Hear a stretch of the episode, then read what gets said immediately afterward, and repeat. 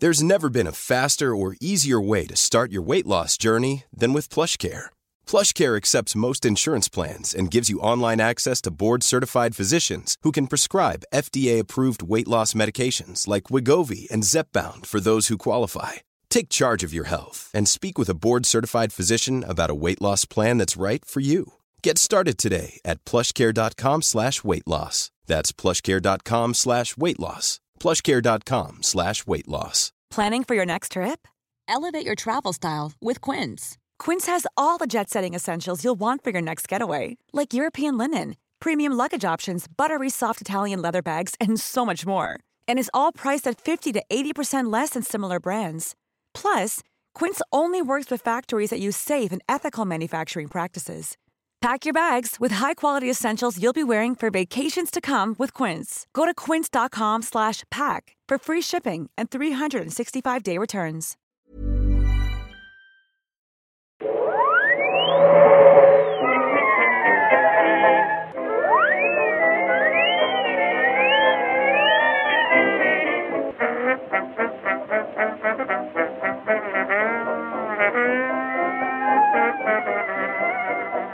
Då börjar det i stort sett bara. Hej och välkomna till Nörden jag, det är jag som är nörden Fabian Lander. Och det är jag som är jag, Viktor Engberg. Det här är podcasten i samarbete med Acast där vi pratar nördämnen, nördkultur i slags bildande syfte. Jag försöker bilda Viktor här i saker han tycker om men inte vet så mycket om.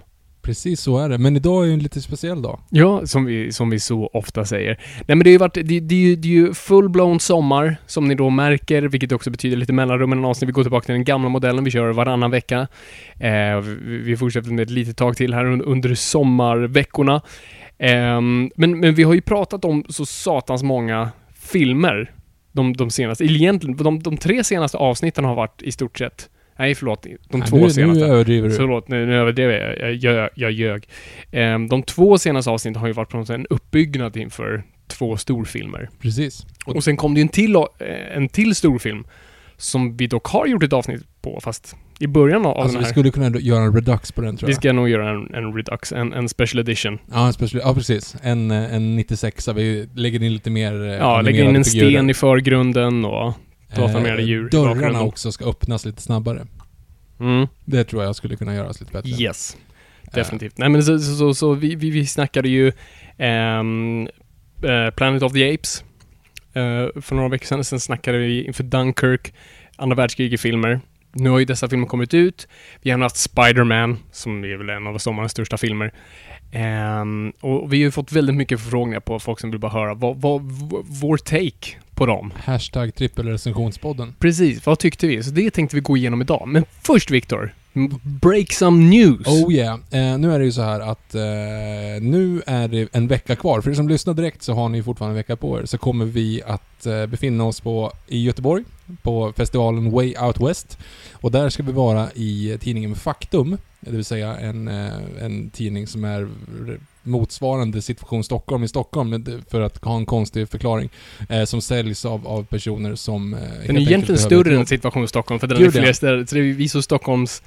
Bas, inte fokuserade tyvärr. Precis, men det är en tidning som säljs av, eh, av personer som behöver jobb helt enkelt. Ja, folk, folk i utanförskap. Precis, och eh, de har satt upp en, ett poddbås. Som de har gjort ett par år eller ett år innan i alla Ja, fall. precis. Och då är det så att vi kommer då att finnas i det här poddbåset. Och vi Mhm. kommer att eh, sen, vi kommer göra en podd helt enkelt, som vi släpper efter det.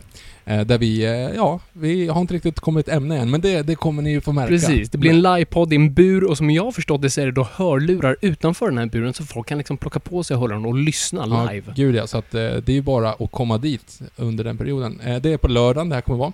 Lördag den eh, 12. Lördagen den 12 i Göteborg på Way Out West. Och vi kommer också ha en liten specialare. Utöver vår, eh, vår recension, tänkte jag säga, utöver vår podd. Så kommer vi också ha så att vi har fixat eh, superexklusiva turné-t-shirtar. Yes! Som alla stora band som åker omkring på turnéer här runt om i Sverige. Vi har ändå varit på några ställen här och livepoddat. Vi kommer ju avsluta på Comic Con Stockholm den eh, 12 september tror jag att det är Det är nog det. så kommer vi göra så här. Vi har gjort band-t-shirtar. Med Noi på, på, på, turné 2017 som eh, de fem första personerna som kommer fram och high-fivar oss. Fysiskt. Vilket är svårt att göra i båset, så det blir utanför båset. Precis, så att helst innan egentligen då, för att det blir ju lite bökigt då att göra genom ett glas. Och eh, säger då Gandorf, så kommer ni att vinna en sån där superexklusiv t-shirt. Och de är superexklusiva. De kommer aldrig göras igen.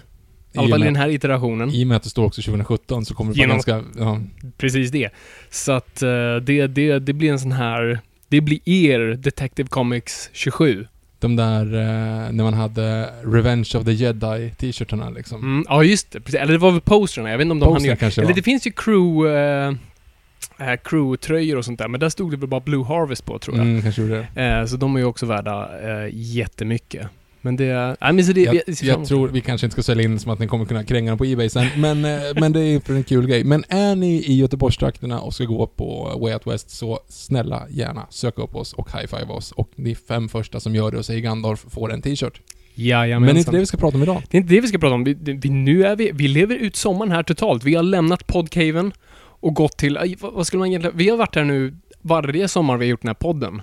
Vilket är i din stuga. Ja, det är ju resepodcaven. Resepodcaven. Egentligen om man ska, om man ska snacka liksom Batman-lore så är det ju här typ liksom The Bat Penthouse. Det är på, på, på raffiga 70-talet då, då Batcaven blev lite ocool så satte de ju Bruce Wayne i en eh, penthouse, en mansion, liksom mitt i Gotham City. Lite som de gjorde i Dark Knight, Nolans Dark Knight. Um, Men tänkte, det gör de väl även i Batman vs Superman, de här glas... Just det, ja, du, du, ja, precis. Då är det ju liksom. The Lake House snarare än, än Penthouse. Ja, precis. Så Pod Lake House. Pod, Pod Lake House, ja, det är ju lite mer faktiskt. Vi kan ju faktiskt se vattnet där. Och som ni Fast hör Östersjön. så är det kanske lite grejer i bakgrunden, men det, är- det är naturen. Det är naturen. Eh, bara naturliga saker. Hur som helst, Fabian. Ja. Vi ska recensera tre filmer idag. Shit. Så att vi måste nästan sätta igång. Och eh, den optimala ordningen har vi kommit fram till här nu, Yes. är alltså, vi börjar med World Planet of the Apes. Mhm. Vi tar sedan eh, Spiderman. För att avsluta med Dunkirk. Har ni inte sett de här filmerna, hmm, tryck fram och så märker ni när vi sätter Och gör igång. det, för vi, vi varnar just nu fullt ut. Det är spoilers. Det här är ingen recensionspodd. Så att vi kommer bara prata precis som vi vill om de här filmerna. Så att Precis. ha- se de här filmerna eller ha inget intresse av att se dem. För vi kommer prata om allt eller inget, hur folk vaknar upp som kvinnor eller dör som män. Alltså det är... Mm. Det, när det visar sig att eh, eh, Spiderman var en, vart död hela tiden. Mm. Ja, det var, det var en konstig twist. Ja, verkligen. Visar sig vara Onkel Ben och, och skjuts. Ja, eller hur? Och sen så att man hade haft liksom diamanten hela tiden. Mm. Det, det hade jag inte förväntat mig. Nej, det, var, det, det, det är en twist om jag någonsin sett Ja. den. Och att eh, Tom Holland går då som att de, de pratar om det så, ja, hon, du är väldigt lik Julia Roberts, så att hon går som Julia Roberts. Precis. Fast, det- och, och, men under den perioden så är Julia Roberts gravid så de sätter bara en hotellkudde under tröjan. Smart. Det går lika bra. ja, War of the Planet of the Apes.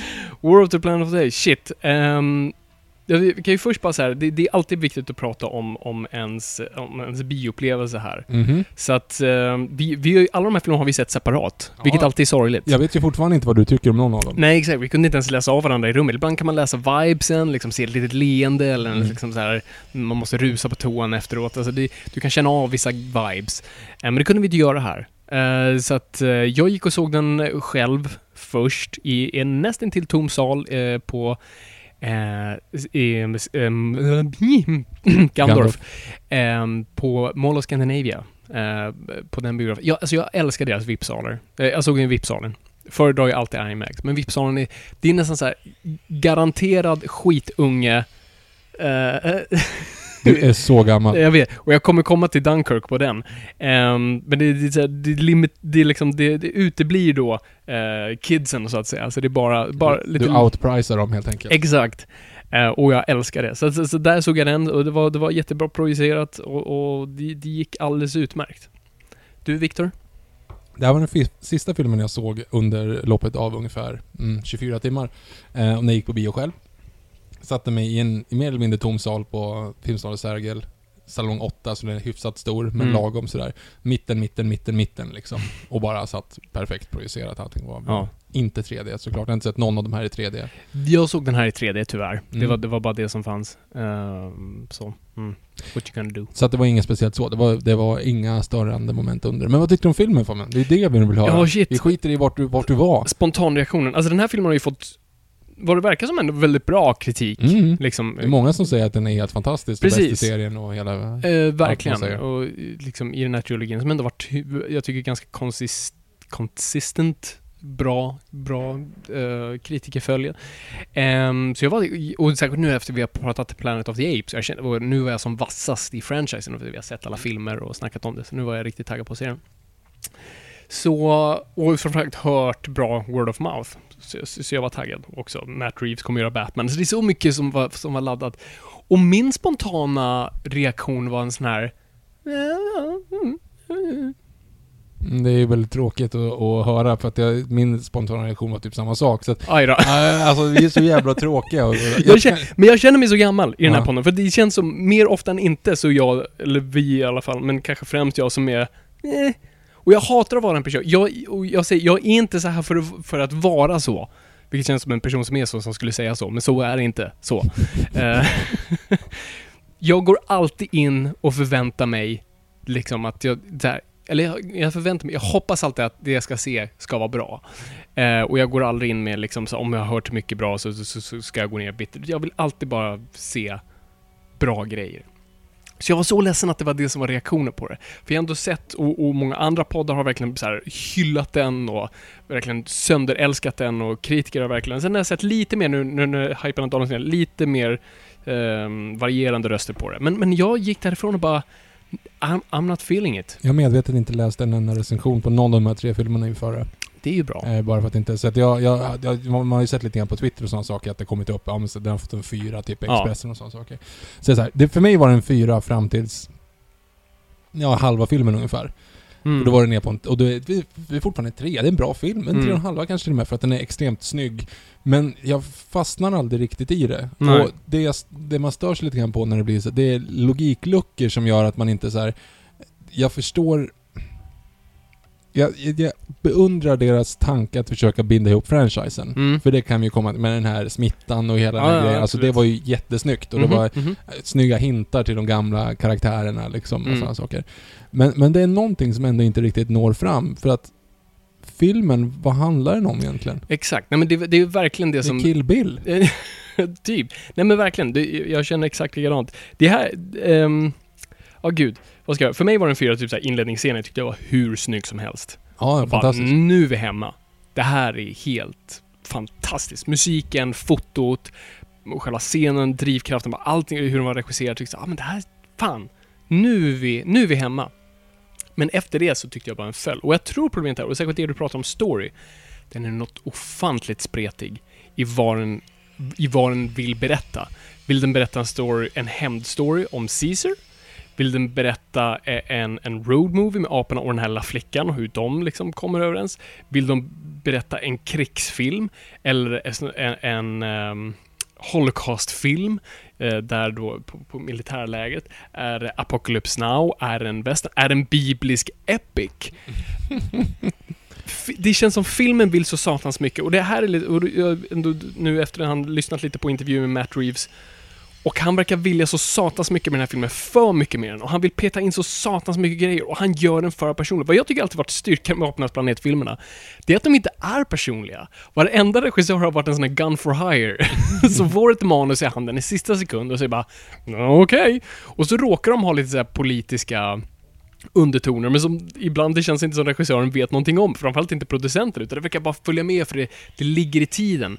Och för mig då så kändes det här som, det var en, det är en franchise som inte ska vara så personlig. Och det kändes som det var för mycket personlighet i den. Han ville för jävla mycket med den. Och, det, och då fall allt åt sidan. Karaktär, story, fokus. Vad vill du med den? Men det är det, jag känner ju inte igen Caesar. Det är ju, Eller hur? Där har du ju en, en, en av de största grejerna. Du har ju en, en huvudkaraktär som är liksom, han är ju känd för att vara den mänskliga apan citationstecken. Ja. Alltså det som gör hela Ape Don't Kill Ape, eh, Mm. hela den här grejen med att de ska joina in och ta in folk under sina vingar. Han är förlåtande, han är liksom, han är allt det där som de har jobbat upp i två filmer. Mm. Det förstörs ju med att han gör någon... Han, det är ju Kill Bill. Och han säger ju det. Det är typ två gånger han vänder och säger så här: Mm. Nej men jag förstår vad du säger Maurice, men jag kommer ändå... Mm. Jag kommer inte släppa det. Jag kommer ändå gå och mörda honom. Precis, alltså det är ju på ett vis är det, alltså det faktumet att han känner hämndkänsla är ju en mänsklig grej. Jo, så det är ändå men så här, jag menar, det, men om funkar du, det, men, men samtidigt, jag håller med, det funkar inte för det är inte Caesar, det är inte, och det är inte den storyn jag vill se av Caesar. Det här, jag tycker fortfarande inte vi har förtjänat legenden Caesar. Nej, nej, det håller jag med om. Den, nej, den nej. som man ska prata om, den här, den här revolutionen, alltså i stort sett Moses, ap-Moses, Mm. ska det här vara. Och jag har inte sett det, trots att den här filmen verkligen vill göra ap-Moses med honom. Ja, gud ja. Eh, med alla bibliska grejer. Han blir ju liksom stucken, ja det är mer Jesus stucken i, Mm. eh, vad fan är det, i höften. Mm. Ehm, Ap-Moses. Det var fantastiskt. och, men ändå känner jag så här, är det här, för det, vi kan ju säga det rakt ut, han dör på slut, så vi kommer inte få några fler äventyr med Mm. precis. Han gör inte den här ultimata uppoffringen som jag känner att på något vis en sån eh, ikon, en, en sån arketyp ska göra. Men det var väl inte ens han som berättade om den där platsen? Om, om det förlovade landet. Nej. Det var ju hans son. Ja, just det, precis. Hans son åkte ju ut och hittade det där, kommer tillbaka Mm. och säger vi borde gå dit. Han säger okej, vi går dit, men överger alla Överger alla för att, de... gå och hämnas hans barn och fru, Ja. som vi också inte lär känna, eller de var med i förra filmen, i alla fall eh, frun, som spelas av Judy Greer, som är med för lite i filmer. Ehm, nej, så det, det, det, bara, det kastas bara åt sidan. Mm. Ehm, nej, det, det, det, är verkligen, det är verkligen till där karaktären. Att jag inte bara, du, du verkligen satte huvudet på spiken här. Jag känner inte igen Caesar. Nej men det blir lite grann så. Och, och sen hela den här, sen gillar jag road movie-grejen. Alltså egentligen, jag säger så här. Filmen är bra med en diff, alltså det är en liten dipp där när, när eh, Woody Harrelson kommer in och ska liksom lönnmörda honom. Ja, gud. Alltså det var ju så här, det, det, Men sen... Jättekonstig scen, Ja, för, eh, för övrigt. ja men den, den är lite sådär. Mm. Men sen i alla fall så själva road movie-grejen gillar jag jättemycket. Och sen när den väl kommer till Treblinka då, då är det ju liksom så här, ja men okej, vad, du, om, du ska, om du ska göra den, så gör den åtminstone allagorisk. Alltså Mm. hitta någonting i det. Ja, För det var det ju inte. nej. Du skulle kanske riktigt tjohornar du in så kan du hitta slaveriet någonstans. Mm. Men det är ju också så här. För det, det är ju inte det som är grejen, utan det handlar ju mer om att, alltså att om du ska bygga en mur som de vet ändå inte håller. Det, ju- det Mm. blir också en grej så här. Så Precis. att med andra ord, så varför har du aporna? Ja. Om alla vet att muren inte ska hålla, varför finns de? Alltså Mm. du vet, det, det, finns en, det finns också en lite så konstig grej där. Mm. För det finns ju ingen logik i att de har tillfångatagit alla apor. Nej, jag menar att de hatar dem. Jo men varför har de kvar Varför skjuter de inte bara? Ja, för att bygga den där muren. Ja men och den Slavarbete. muren så säger ju även Caesar sen. Alltså Mm. att den kommer inte hålla. Mm. Alla vet att den inte kommer hålla. Men det, är- det är ju här de klämmer in lite så här eh, eh, Kurtz i Woody Harrelson, den här galna som inte vet vad han gör och inte liksom. Men det är ju också en grej att Kurtz är Kurtz är målet, han är inte resan. Men här blir Kurtz del av resan och del av storyn på ett helt annat sätt. Vilket den karaktären ska inte fun- eh, fungerar inte på så vis. För Kurtz är målet som visar sig vara en um, sätta dåligt ord på det, men en besvikelse. Någonting Mm. som inte fungerar som det ska och bara faller i bitar. Ehm, här är Kurtz del av storyn på ett sätt och det är därför inte riktigt håller som en antagonist på samma sätt. Mm. Uh, inget fel på Woody Harrelson så, han gör Ja, det han bra. gör. Eh, och det finns några jättebra scener liksom mellan dem. Jag, en sak jag verkligen tyckte om där, som vi pratade om i några avsnitt, du vet när han drar, jag tror han drar ge- generaler för honom. Ja, just det. han repeterar ja, namn. Ja. Och you don't know history. Alltså att han säger, du kommer ihåg när vi pratade om det här, när man kollar på ett djur eller ett, ett ja, jag vet inte barn. Du vet inte ja. vem Hitler är. Och det, och det är en kul, det är kul att de tar upp den tanken bara, nej det är sant alltså. Caesar vet ingenting om historia. Mm. Där skulle ha grävt djupare, för hur bygger du en egen dynasti utanför historia? Mm. Han vet ju inte vad som har hänt. Hur begår han inte samma misstag som redan har begåtts? Vi på något vis lever i illusionen i alla fall, förhoppningsvis i vetskapen om, om historia, och på något vis hela tiden försöker undvika det trots att det kanske repeterar sig hur som helst. Och det hade varit en intressant grej. Men det lämnar de ju bara till Mm. För tydligen vad jag läste, det behöver inte vara sant, men det var improviserat av Woody Harrison. Jaha. Den. Så det är inte ens del av manuset. Ehm, Ja, det, det, men det tyckte jag var den bästa, bästa liksom, sekvensen. Men, ja. Vad, vad tycker du annars om den här med smittan då? Jättebra. Mm. Eh, för, jag- för jag und- jag, för det undrar jag i förra filmen, vad de gjorde av smittan. Den försvann lite. Eh, det var liksom, ja det här är överlevare, men jag vet inte om de är immuna, det kanske nämndes, jag kommer inte ihåg, eller om de bara klarade sig. Och det, det följdes aldrig upp. Men jag, jag tyckte jättemycket om det här att det har muterats. Och till då att de inte kan prata, vilket då leder oss ännu mer nära. Det är det här den filmen gjorde rätt, var, vad jag tyckte Eh, Dawn är det va? Ja, Dawn gjorde... Dawn, ja. Dawn var väldigt lös, den kändes inte som den existerade i kontinuiteten också jag gillar med. Apornas planet ska också så bygga vidare storyn. Eh, och de har varit duktiga med att bygga Caesar Store, men inte hela Story-storyn. Um, ehm, och det tyckte jag var bra här, att just smittan nu faktiskt, de gjorde en smart grej av det. Att de inte kan prata. Fast det är det, det, är det som också är lite så här, eh, vad ska man säga, Woody Harrisons sida av det. För han säger ju att man blir beasts. Alltså de, de tappar Ja, talförmågan blir- och blir djur. Ja. Men egentligen så blir man ju inte det, utan det man egentligen, man blir stum. Mm. Men man blir ju inte dum i huvudet av det. Nej, det var, jag tyckte filmen var lite oklar Jo, fast, med men det. det är ju det, ja, jag tyckte tvärtom, för att filmen visar Nova är ju inte det. Nej, Nova är ju inte precis. dum i huvudet. Så att det är bara att de är... Jo men han ser dem som, som djur, Mm. bara för att de inte kan prata. Och där har du ju lite Hitler-grejen, eller Ja, liksom nazisterna-grejen, att du ska liksom, eh, du ska utrota det som sticker ut liksom. Ja, precis. Och ständiga fördomar mot som alltså folk med, med, med, handikapp alltid utsätts för. Att, att det, det på något vis har du en fysisk nedsättning så ska det kopplas till det mentala. Mm. Och det är det han säger också då, att han, han skjuter sin son för att han blir stum. Ja, just det. Och jag menar, det, spelar ju, det är ju ingen skillnad, för Nova är ju också stum, hon är ju också det viruset, men hon är ju inte liksom ett djur för det. det nej, ju, nej, eh, precis. Nej, det, det, nej, det var bra där. Det, eh, jag tyckte det var en jättekul grej. Och det var kul med, du vet, de hade de här eh, kryssen. Mm. Eh, som också en hint då till, till, till, eh, till det gamla. Um, du hade ett antal grejer, nu kommer jag inte på Nova är ju en Nova. Det är, en, hint- det är ju inte Nova. Nej, nej, nej, nej, gud. Men det nej, är det är kul liksom så här. tusen år fel. Liksom. Wink wink, nudge nudge. Eh, men en rolig sådan. Jag fattar, jag tyckte att det var lite så här ex-mackorna att eh, den där jävla militärarmén kommer. Ja, ska, eller så här, vad- X-markerna var, var, var lavinen. Jo, men hela, hela den Ja, sekvensen. nej men äh, än en gång, hur spretig den är. Eh, och filmen heter War of the Planet of the Apes. Det var inte mycket krig i The Planet of the Apes. Eh, vilket var synd. Så den där krigsscenen bara kommer och det är ingenting i... Det finns inget i den mer än att så här, nu måste vi dra härifrån. Nej, det betyder ingenting. Ingen story. Och jag tror, jag var ju 100%, vad tänkte du när du såg dem första gången? Soldaterna? Ja. Apor. Ja. Det var ju så, och, var, jag hoppades på det bara. Ja, ta, det var- och för alla var ja, täckta. och så det var, det, det var så, av er det och det, var ju apor. skitsnyggt. Det var ju egentligen skitsnyggt, för alla i salongen tänker ju, ah, Mm. apor. Men sen så, så var det ju inte det. Eller Nej, man såg ju liksom Det, inte. det kanske hade varit för uppenbart, men jag hade... För när, när det slog mig när jag tänkte apor, så tänkte jag så här. Ah, nu... nu de, de, vill nu göra sin twist. Mm. Det hade varit en bra twist. Det har varit en, perfekt. För då är ju så här, och det är ju också en, en följdgrej. Vi vet ju bara vad som hände med Caesars tribe. Precis. Och jag menar egentligen, alltså det finns ju apor, det finns ju mer apor i Afrika och Asien än Ja. vad det gör i USA. jo så men den här- du, där har du ju Bad Ape, som på något vis visar att det kanske finns fler smarta apor. För han kommer ju från ett helt annat labb. Mm. Han blev också smart. Jo men han var ju från Zoo. Ja, precis. Så att... eh, Så det, det tyder ju... Det, det, så där var det nästan de planterade idén om att det finns andra apor där ute. Jo men det måste det ju göra. Jo men det gör absolut. Och det är det, det är det som är lite konstigt också, för att även i de gamla Planet of the Apes ehm, filmerna, det handlar ju bara om en stad. Ja, det är en liten, Du liten by i liksom- öknen där. Nej, tänk om det är liksom, det där är kanske på en ö, och sen så på Precis. alla andra, det där är Gotland liksom, Ja. och i resten av världen så är människorna som vanligt liksom. Exakt, det är bara Isla Nublar, ingen vet att det existerar. Jo men precis. En Robot Chicken gjorde en ganska bra sån.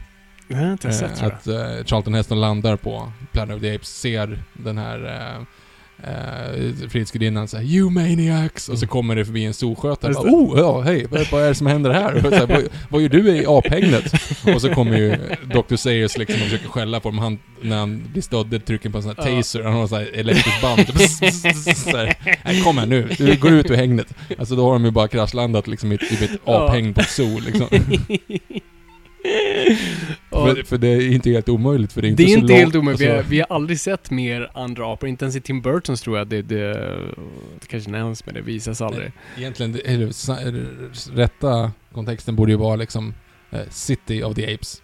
Ja, just det. Eller Village of Village the of the Apes, definitivt.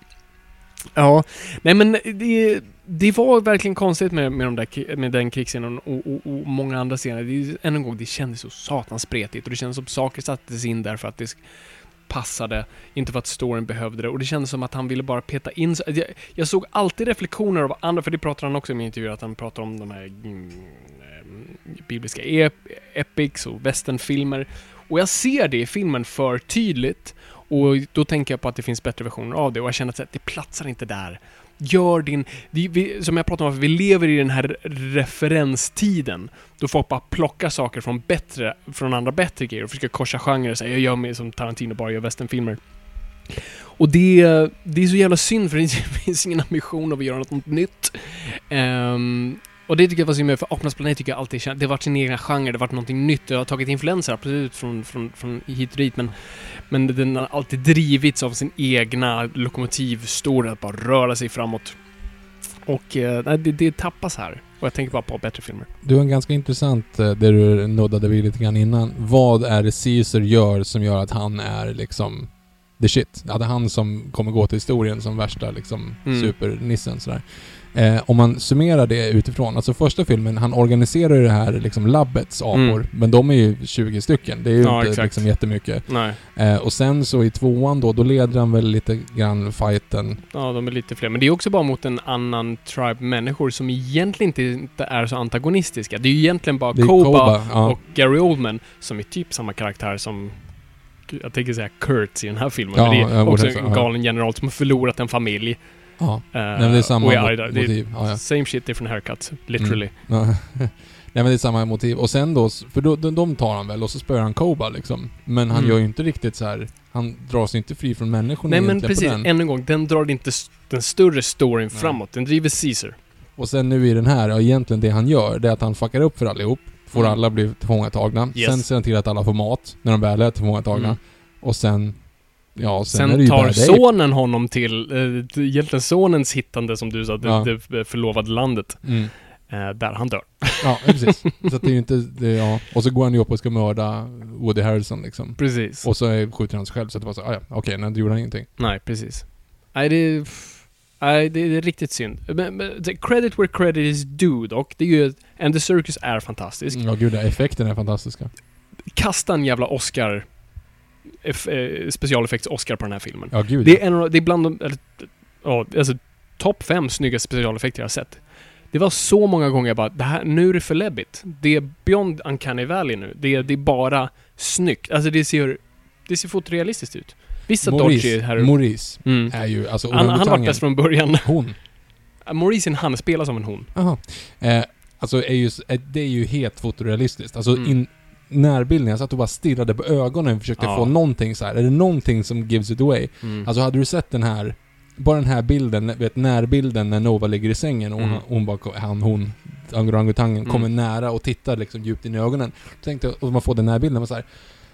Kan du, kan du lägga upp en orangutang på samma sätt mot, mot och bara liksom... Nej, jag skulle inte se skillnad. Jag tror fan Nej. inte det. Nej, nej ver- verkligen. Så otroligt snyggt. Helt sjukt snyggt. Alltså hur, hur den utvecklingen har gått är helt ofantligt. Och så det är så här, verkligen credit till Weta som gjorde det. Det ser fantastiskt ut. Och cred än en gång till Andy Circus som jag tycker ändå, det som varit styrka med de här, hade det inte varit för honom och Caesar-karaktären så hade den här franchisen fallerat direkt. Man märker att han har investerat så mycket i det, han är den här rollen, han har utvecklat den här rollen från början till slut. Det, det, det är ett helt ark och jag, jag tycker det är jättefint. Eh, så verkligen all cred till honom. Men problemet här är Matt Reeves, som inte är en dålig regissör. Han kan iscensätta sekvenser och han kan, han kan driva en story. Så det är inte att han är dålig, men han är för mycket i sitt eget huvud. Han, han, han lägger för mycket av sig själv i de här filmerna. Vilket inte platsar här. Och jag ser fortfarande, det här gör mig lite nervös på Batman. Särskilt nu Mhm. att han på något vis har sagt att han ska kasta ut manuset.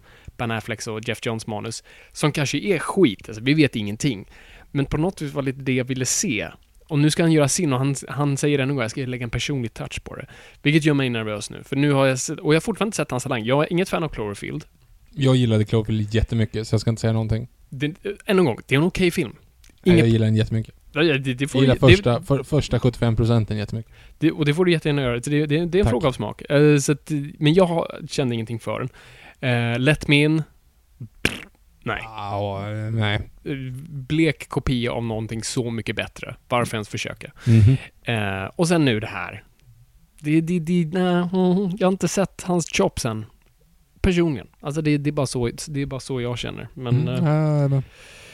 Ja, men. så, Ehm, vad, vad sätter du den på liksom apskalan då? Mellan Tim Burton och eh, Charlton Heston? Ehm, alltså jag- jag, sätter fortfarande upp, alltså jag gillar ju verkligen originalen och det är lite som Bond-filmerna där. Även de dåliga är liksom charmiga på något vis. Ehm, men alltså originalet, alltid högst upp. Mm. Helt klart. Men jag skulle då även sätta, alltså Beneath, för den är Nej, så, lägg den är av. så det kan du flippad. inte säga. Den är så flippad. Jo, men nu är det ju, okej. nu är det ju töntigt. Okej, nej, nej, så kan du förlåt. inte säga. vi gör så här. Vi, ser, vi, vi, vi sätter dem så här. Eller vänta, nej precis. Nu, ska jag, nu måste jag tänka, vänta. Okej, vi gör så här. Vi gör Planet of the Apes 68. Mhm. Vi kör Rise of the Planet of the Apes. Den första Andy Circus. Ja. Den tycker jag riktigt mycket om. Ja, ja. Och sen den här. Sen, Sen den här. Jo men så är det ju. Det här är den tredje bästa jag, Planet jag skulle fan säga... Nu ska vi se, jag blandar ihop alltid Conquest och... Nej, Conquest sätter jag. För Men den är ju inte, det är inte ens en film. Ja, men Alltså, den är helt- charmig, den, är, den har sin ofantliga charm och jag ser hellre om den. Sen sätter jag den här. Mhm. Sen sätter jag Beneath. Sen sätter jag nog Gary Oldman. uh, ja, Gary Oldman. Sen blir det... Den när de åker tillbaka till tiden. Ja, men vad fan heter Escape den? from. Escape from the Planet of the Apes Ja. och sist i Battle. Ja. Men den är ju hemsk. Ja. Okej, nej men du, alltså det går inte att jämföra. Första filmen självklart helt fantastisk. Och, sista den från i Tim Burtons. 2011. Och den från 2011 eh, är också jättebra. Och sen är den här. Alltså du, du självklart är det en helt annan kvalitetsstämpel än vad både Beneath och Battle 4 och allt vad de heter. Mhm. Alltså, det är det. Jag, jag säger fortfarande att det är typ en stark 3. Det är en 3,5 Det är liksom. för mig också, det är en tre, det är en stadig trea. Det går att se på. Definitivt. Nej, Men, men, alltså, jag, det, jag förväntar mig mer. men det är ju bra. Den är, den är apsnygg till Dumdish. Mhm. Eh, man gillar ju folk som är med i den. Det är lite samma sak som, alltså det är återigen den här grejen som vi pratar om med, med Suicide Squad. Jag Mm. gillar ju det här. Jag vill ju att Och jag gillar gänget bakom. Ja, ja precis. Ja, jag gillar Weta Jag vill att Workshop. alla ska ja, lyckas. Precis. Så jag vill ty tycka om den här jättemycket. Eh, och tyvärr så blev man ju lite, jag blev lite besviken men den var så här, halva filmen som sagt så var så här, yeah. Mm. Och sen så här, yeah. Mm. Och så blev det som du är. Ja, det blir verkligen som det. Det, det, det är lite tråkigt någonstans. Trots att det är en, det är en stadig film. Och jag vet inte vad man ska ta franchisen efter det här. Alltså, Caesars resa är ju uppenbart över. Jag tycker nu, nu har Matt Reeves berättat sin lilla personliga Mm, ap- nu, nej, nu blir det inga mer apor. Ehm, nej, helst eller så här, jag vill se, jag vill fortfarande, jag vet inte, vill man se hur, hur det blev? Det, Nej. det är lite den här Nej, önskogrejen av att säga, jag vill men jag, jag ska inte. Du vill, du vill se West Berlin Interrogation Tape. Åh, jag vill se den. Men du vill egentligen Men jag ska inte. Nej, precis. Nej, det är helt rätt. Det, det, det, nej, men det är verkligen Men jag, jag skulle vilja gå på ett steg till. Men varför det? Jag vet inte. Jag vill, jag vill, jo, nej, vet du vad jag vill se? Jag vill se dem ändå gå rakt upp. Jag vill se De dem såhär, någon, någon tar på sig sina... De gör ju det i den här Ja, de går och står lite mer rakt Ja. men jag vill ändå se dem lite mer, jag vill se deras coola dräkter. Jag vill, se, jag vill egentligen se en ny tappning av, jag vill ingen remake, men jag vill komma liksom till tiden innan 68 Planet of the Apes. Bara se hur, den, hur man skulle göra den civilisationen idag med den CG vi nu ser, de klassgamla kläderna, gör en, eh, ja, så ge mig en till. Va, nej, det räcker nu. Det räcker nu. Mm, jag tänkte, eh, fan, jag tänkte, tänkte på titeln nu, vad skulle man kunna döpa den till? Eh, the Legacy of the Planet of the Apes. Fast det kan du inte säga innan Charlton Heston kommer. Jo, det, tiden är relativ i det här universumet. Ehm, ja, Ja, alltså, men stark trea, jag, jag gillade den men jag tyckte inte att den var så fantastisk som, som den hade kunnat varit. nej, nej, nej, fan Viktor, det Ja, blir ingen skit, debatt Det är här. skittråkigt att recensera saker med oss. Ja, Ja, men ska vi gå på nästa film? will do. Så, Spider-Man Homecoming. Vänta, vi, innan vi går på Spiderman, vi Okej. måste prata Bad Ape. Just det, vi nämnde inte ens Bad Ape. Vi- vi Just det, som kanske är liksom den, här, den, the breakout character. Det, det är franchisens Jar Jar. Tycker du? ja, lite grann Det, det på, eller jag förstår vad du menar faktiskt. Jag måste... eh, bara- mm, Bara så här. Jag tyckte Steve Zahn gjorde ett jättebra jobb. Det är cool casting. Eh, jag tyckte hans eh, gestaltning av det var bra.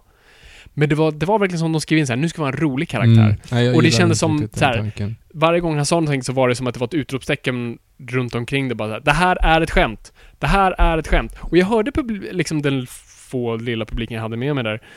Um, liksom de skrattade åt de skämten lite som så här, "Åh, det här för att det ska vara roligt. Det var inte särskilt Det var inte dåligt, det var inte Jar Jar skämt heller. Det var bara så här. Han det där bara- ska han vara hade ett en mössa skämt. på sig. Han hade en mössa på sig och sa liksom okej. Och sen Mm. var det roligt. Ehm, så att det är en intressant karaktär, men inte en rolig karaktär. Det är inte som att jag kommer säga åh, jag vill se vad som händer med Bad Ape härnäst. Det är kul att den heter Bad Ape. Jättebra. Det är Mm. ett jättebra namn. Mm. Så det, och jag gillar liksom konceptet av det, men, men, eh, men jag tycker inte det var, ännu en gång. som allt annat. Det, det, är- det är på något vis, det, det är ett bra skal, men, men insidan är lite... Det blir ju också dessutom för mycket när du lägger in, du ska ha Nova, du ska ha Bad Mm. Ape, du ska ha eh, klok orangutang, du ska ha...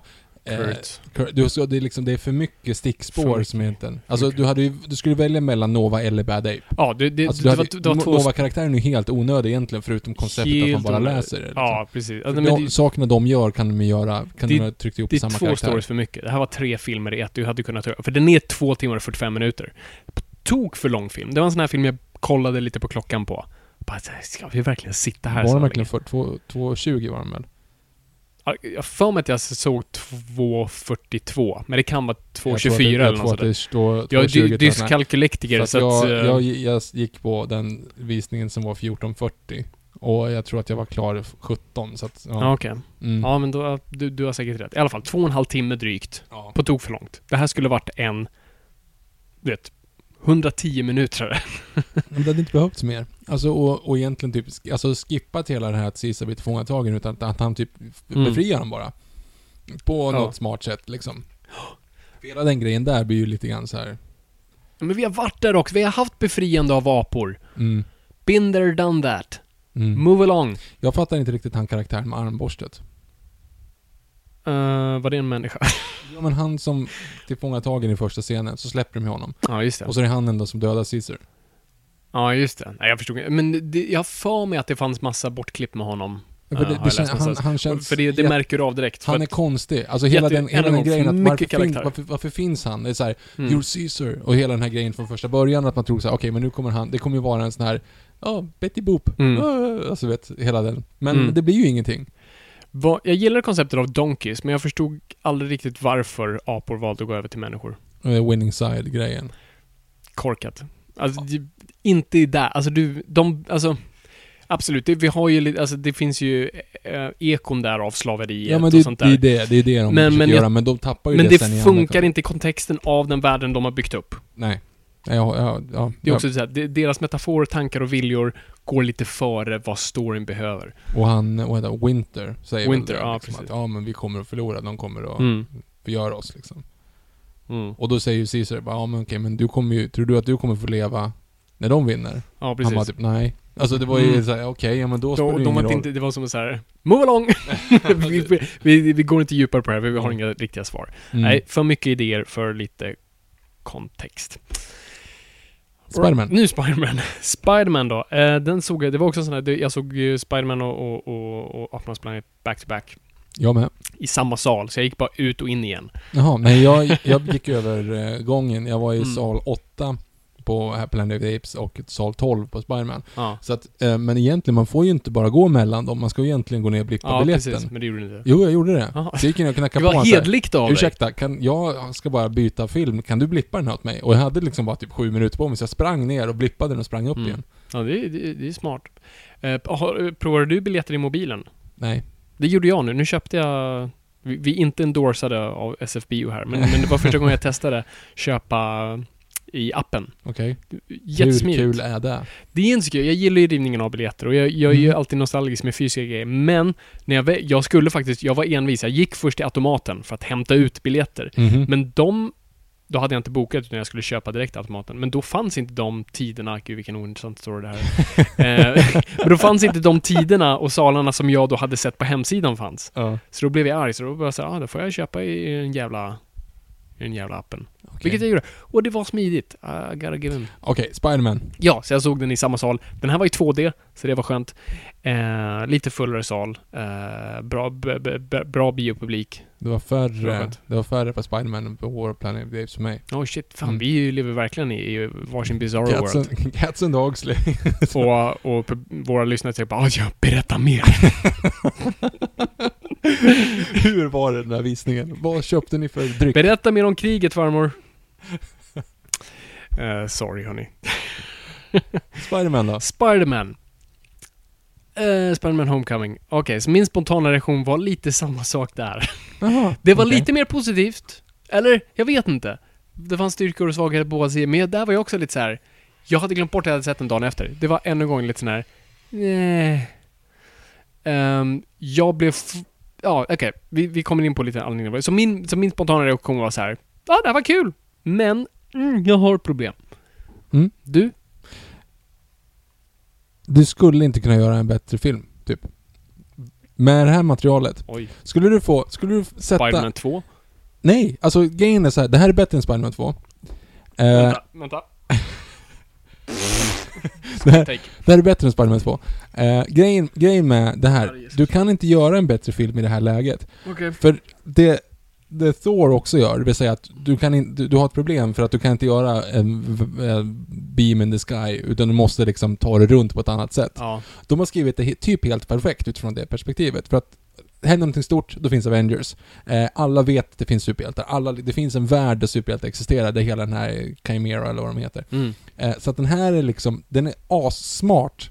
Den är smart. Du, kan, du hade inte typ kunnat gjort, skrivit det bättre. Hade du satt 100 manusförfattare i ett rum, Vilket typ de hade. De hade eh, bokstavligt talat 100 manusförfattare i ett rum. Om Nej, du kollar de på har, texterna. sex stycken var det. Ja, Jesus. Ja, du, men det, det syns. Written by committee. Mm. Ja, men det var ju mycket folk som helst. Alltså det, det, det, det, alla har tänkt till. Jag tycker inte att det finns ett hål i den. Okej. Jag var underhållen från första bildrutan till sista bildrutan. Det är självklart inte Citizen Kane. Men det är liksom en, det, är en, det här är en stark fyra för mig. Jag, jag, var, jag tyckte att det var asbra. Vad intressant. Jag har en känsla av att allting du kommer säga som är positivt kommer jag hålla med dig om. Okej. Men, jag, men mina negativa kommer... För allt det där du nämnde håller jag med om. Det är det jag tycker är styrkorna. Eh, men, men, men jag tror det jag tycker är negativt väger, väger tyngre. Okej, jag vill först bara, innan jag frågar huvudfrågan vill jag bara säga, jag blev så otroligt, jag hatar det här ordet. Nej, jag ska inte ens säga det. Jag tänkte säga kränkt. Hata inte. Eh, nej, jag tänkte, tänkte säga tycker- kränkt, vilket är nästan om- värre än att hata. Jag tyckte... Tycker mindre om det här ordet. Jag blev väldigt illa berörd av inledningen. Mhm. För det var för mig en Marvel... Det, alltså, he, he, hela filmen för mig, och inledningen visar var i stort sett, och med titeln, var bara Marvel som säger till sonen Vi har något som inte ni har, vi har fått tillbaka Spider-Man, men, men. Det var bara liksom, vi måste verkligen etablera att det här är i vårt universum, ingen ska ens kunna tro att Tobey Maguire eller Andrew Garfield ska svinga in här. Vi måste, det här är i MCU, tro inget annat. Så vi har en hel inledningsscen som är egentligen inget med det större storyn att göra, utan bara etablera, kolla här, kommer ni ihåg Avengers? Ja, den är lite gammal och, eh, ja, Age of Ultron hade inte så lika stort intryck. Vi ska fortsätta eh, gräva i den här gropen som är The Incident och Aliens kom. Vi gillar det, för vi tycker fortfarande... det var, vi, det var ju så roligt när, Hulken sa Unicorn. Vi ska fortsätta referera till den här filmen tills vi dör. Det var för mig inledningsscenen när vi bara har så, ah, kolla här har vi all alien-teknik och här, kolla, kommer ni ihåg New York som sprängdes och ja, Iron Man finns, alltså det, det var bara för mig en stor reklamfilm för MCU och visa, kolla vi har Spider-Man. Fast samtidigt, du, så kan du ju inte säga heller, för hade det där hänt... Jag sa det precis. Men, men hade det där hänt? Ja. Alltså, fatta att folk fortfarande refererar till 9-11 till Mm. exempel. Nej, jag vet Alltså det. vet, hade det där hänt, så hade du hade inte gått en sekund. Det är ju det som är konstigt. Det är konstigt att de andra filmerna inte refererar mer. Det är det. Alltså det är, så, det, det är en sån omvälvande situation. Fatta psykologiska perspektivet att inse, okej, vi är inte ensamma i universum. Mitt, Mm. mitt liv är helt värdelöst. Det spelar ingen roll att människan finns, för det finns liksom superhjältar där ute som skulle kunna äta upp mig vilken dag som helst. Du vet, alltså, det hade varit kaos. Jorden hade fungerat som kaos. Det hade inte funnits en, en, dött, en lego-dödsstjärna, för att alla hade bara sagt ah, 'fuck it, det är, det är ingen idé, liksom, vem är jag egentligen?' Alla hade antingen åkt till en, på en strand på Bahamas liksom och Mm. spelat didgeridoo och, och rökt gräs. Alltså det finns ing, ingen hade fortsatt med sitt vanliga liv. Skolor hade inte existerat. Alltså, nej, men det är så.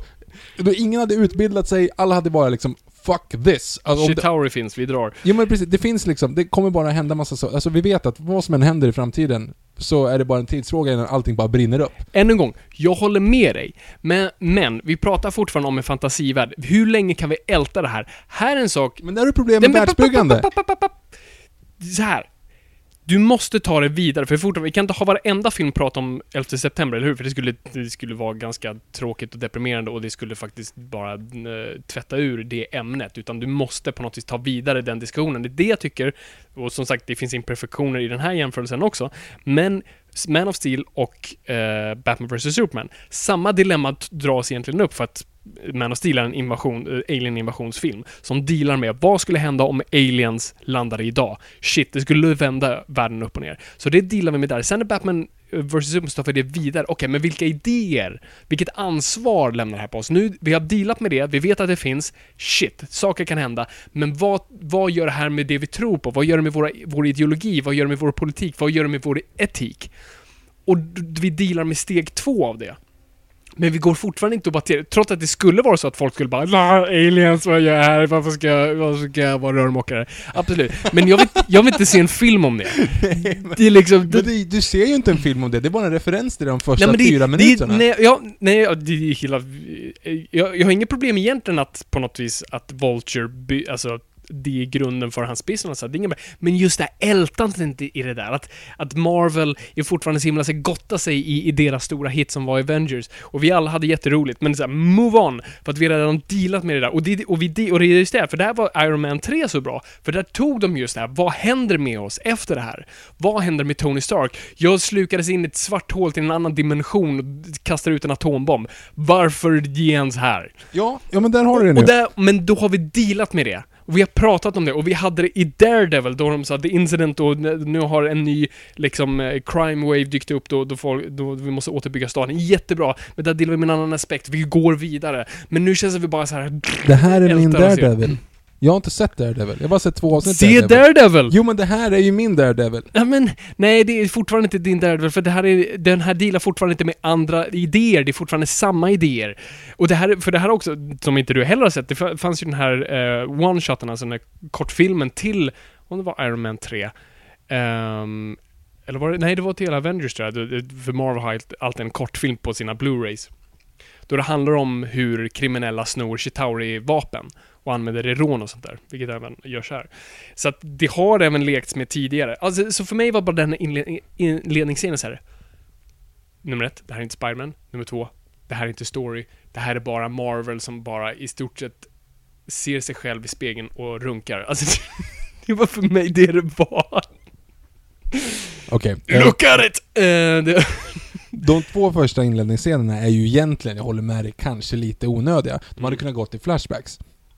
Men jag var underhållen. ja, nej, Michael och- Keaton är fantastisk. Du får, älskar Michael du Keaton. får en, en motivation på honom, du är liksom med i Hade matchen. kunnat sammanfattas i, i en, en, på en minut. Men det var ju typ två minuter. Ja, det var mer. Det var en ganska lång... Och sen har du ju hela då... Sen har du då som... Du då, sen, som det går till Civil War-grejen. Vi Mm. ser det i Spidermans. Det också bara så här. Gå vidare! Ja, Vi har ju- sett det där! Ja men det inleder ju med den ju. Men jag Mm, nej, jag, jag, jag, jag, det bara satt en, en, en bitter smak i min mun. För mig var inte det historieberättande. För mig var det så här... För det också... För de här filmerna lever nu i ett konstigt vakuum. Det är här jag tycker DC ändå gör rätt. Och det, och då verkligen har jag det. Det ser jag även allt fel de gör. Men de ändå bygger så här att de här filmerna ska ändå kunna ses av. Du ska... Vi kommer kunna titta på Wonder Woman, som vi såg första Superman eh, med Christopher Reeve. Den står helt själv. Absolut har den här lilla inledningsscenen med liksom, hon får ett brev, men det är bara så här, det försvinner. Vi, vi, vi ältar inte i det. Ehm, Du har ju ganska enkelt om du lägger det hundra år tidigare än första filmen visserligen, så att det är ju ja, ja, inte men jättesvårt. Captain America... ehm, ja. Ja men ta- Captain America kan du se också själv. Den, ja, jo, kan. Jo, jo det kan du göra. Slutscenen är väl kanske lite... Ja men slutscenen, fine, men du Ja, kan ju nej men absolut. innan. Captain America är, är betydligt simplare än de andra, definitivt. Ehm, men fortfarande, men, men det är fortfarande deras Phase One var fortfarande renare än vad det är nu, när allting men är, det igenklagat det i för första att Avengers. Vänta nu. Så att de här lever nu en konstig bubbla av att du ska se de här filmerna i ordning när de inte är direkta uppföljare. Så att, ska de säga kom barn, vi ska se Spiderman. De vill säga, vad vill ni se? Så här, vi har Thor, vi har Avengers, vi har äh, Spiderman, bra, Spiderman! Och så slår man på det så här, va? Jag ser en gammal gubbe bli arbetslös. en hemvideofilm när de filmar en chaufför. Alltså du vet, det, det, för mig är inte det här film. Det, det är en glorifierad tv-serie. Ja, och det är väl första gången i världshistorien Jag det vet, är, och, det, och det är och, jag, och jag gillar det här experimentet, men fortfarande lite integritet människor. Ja, kommer ju- Låt filmerna stå på egna ben. Det är det här som är problemet med Marvel, och Marvel fortsätter göra det här bara nästan värre och värre, och särskilt nu med Spiderman. De, de, de bara, alla ban- balanserar på varandra, det är ett stort korthus nu. Som bara behöver en liten vindpust. Så Kan du tänka dig när Ant-Man and the Wasp kommer? Det kommer ju inte vara en enda originalidé i hela den filmen. Inte alls. Där har du ju verkligen en sån. Det, det kan, nej, jag håller, jag håller med dig men jag förstår inte problemet. Alltså det är Okej. snarare det. Nej men alltså, det här, här är ju också, jag, jag kan inte argumentera med dig om att du var underhållen. Det får du jättegärna vara. Så det ska inte så här. nej Viktor, du var inte underhållen, du förstår inte. Så det är bara, det är en smakfråga. Men jag, jag fick en sån här bara, ugh, ugh.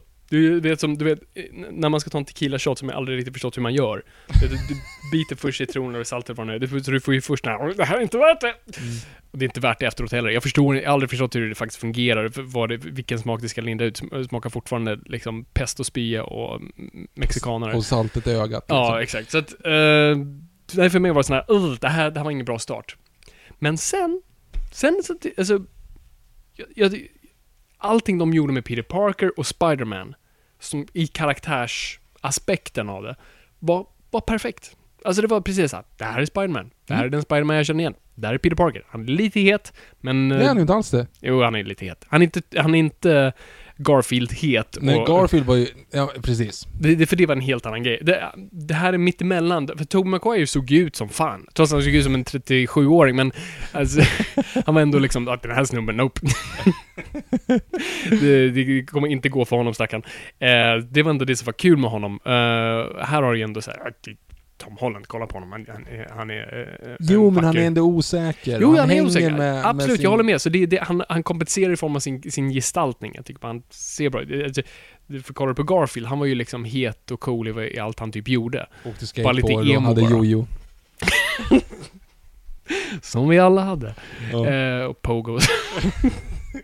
Nu sa du fel. Du blandade Nej. Pogs och Go-Go's. Shit. Mm. Där lät jag både gammal och äldre i samma mening. Vad leker ni med barn? Era pogos? Åh! Pappa. Pappa, dels drar en referens till någonting som fanns för 20 år sedan och dels så refererar du den fel. Åh Jesus. Jag Du, liksom, du blev din egen pappa. Ja. Det är första scenen i, i eh, Long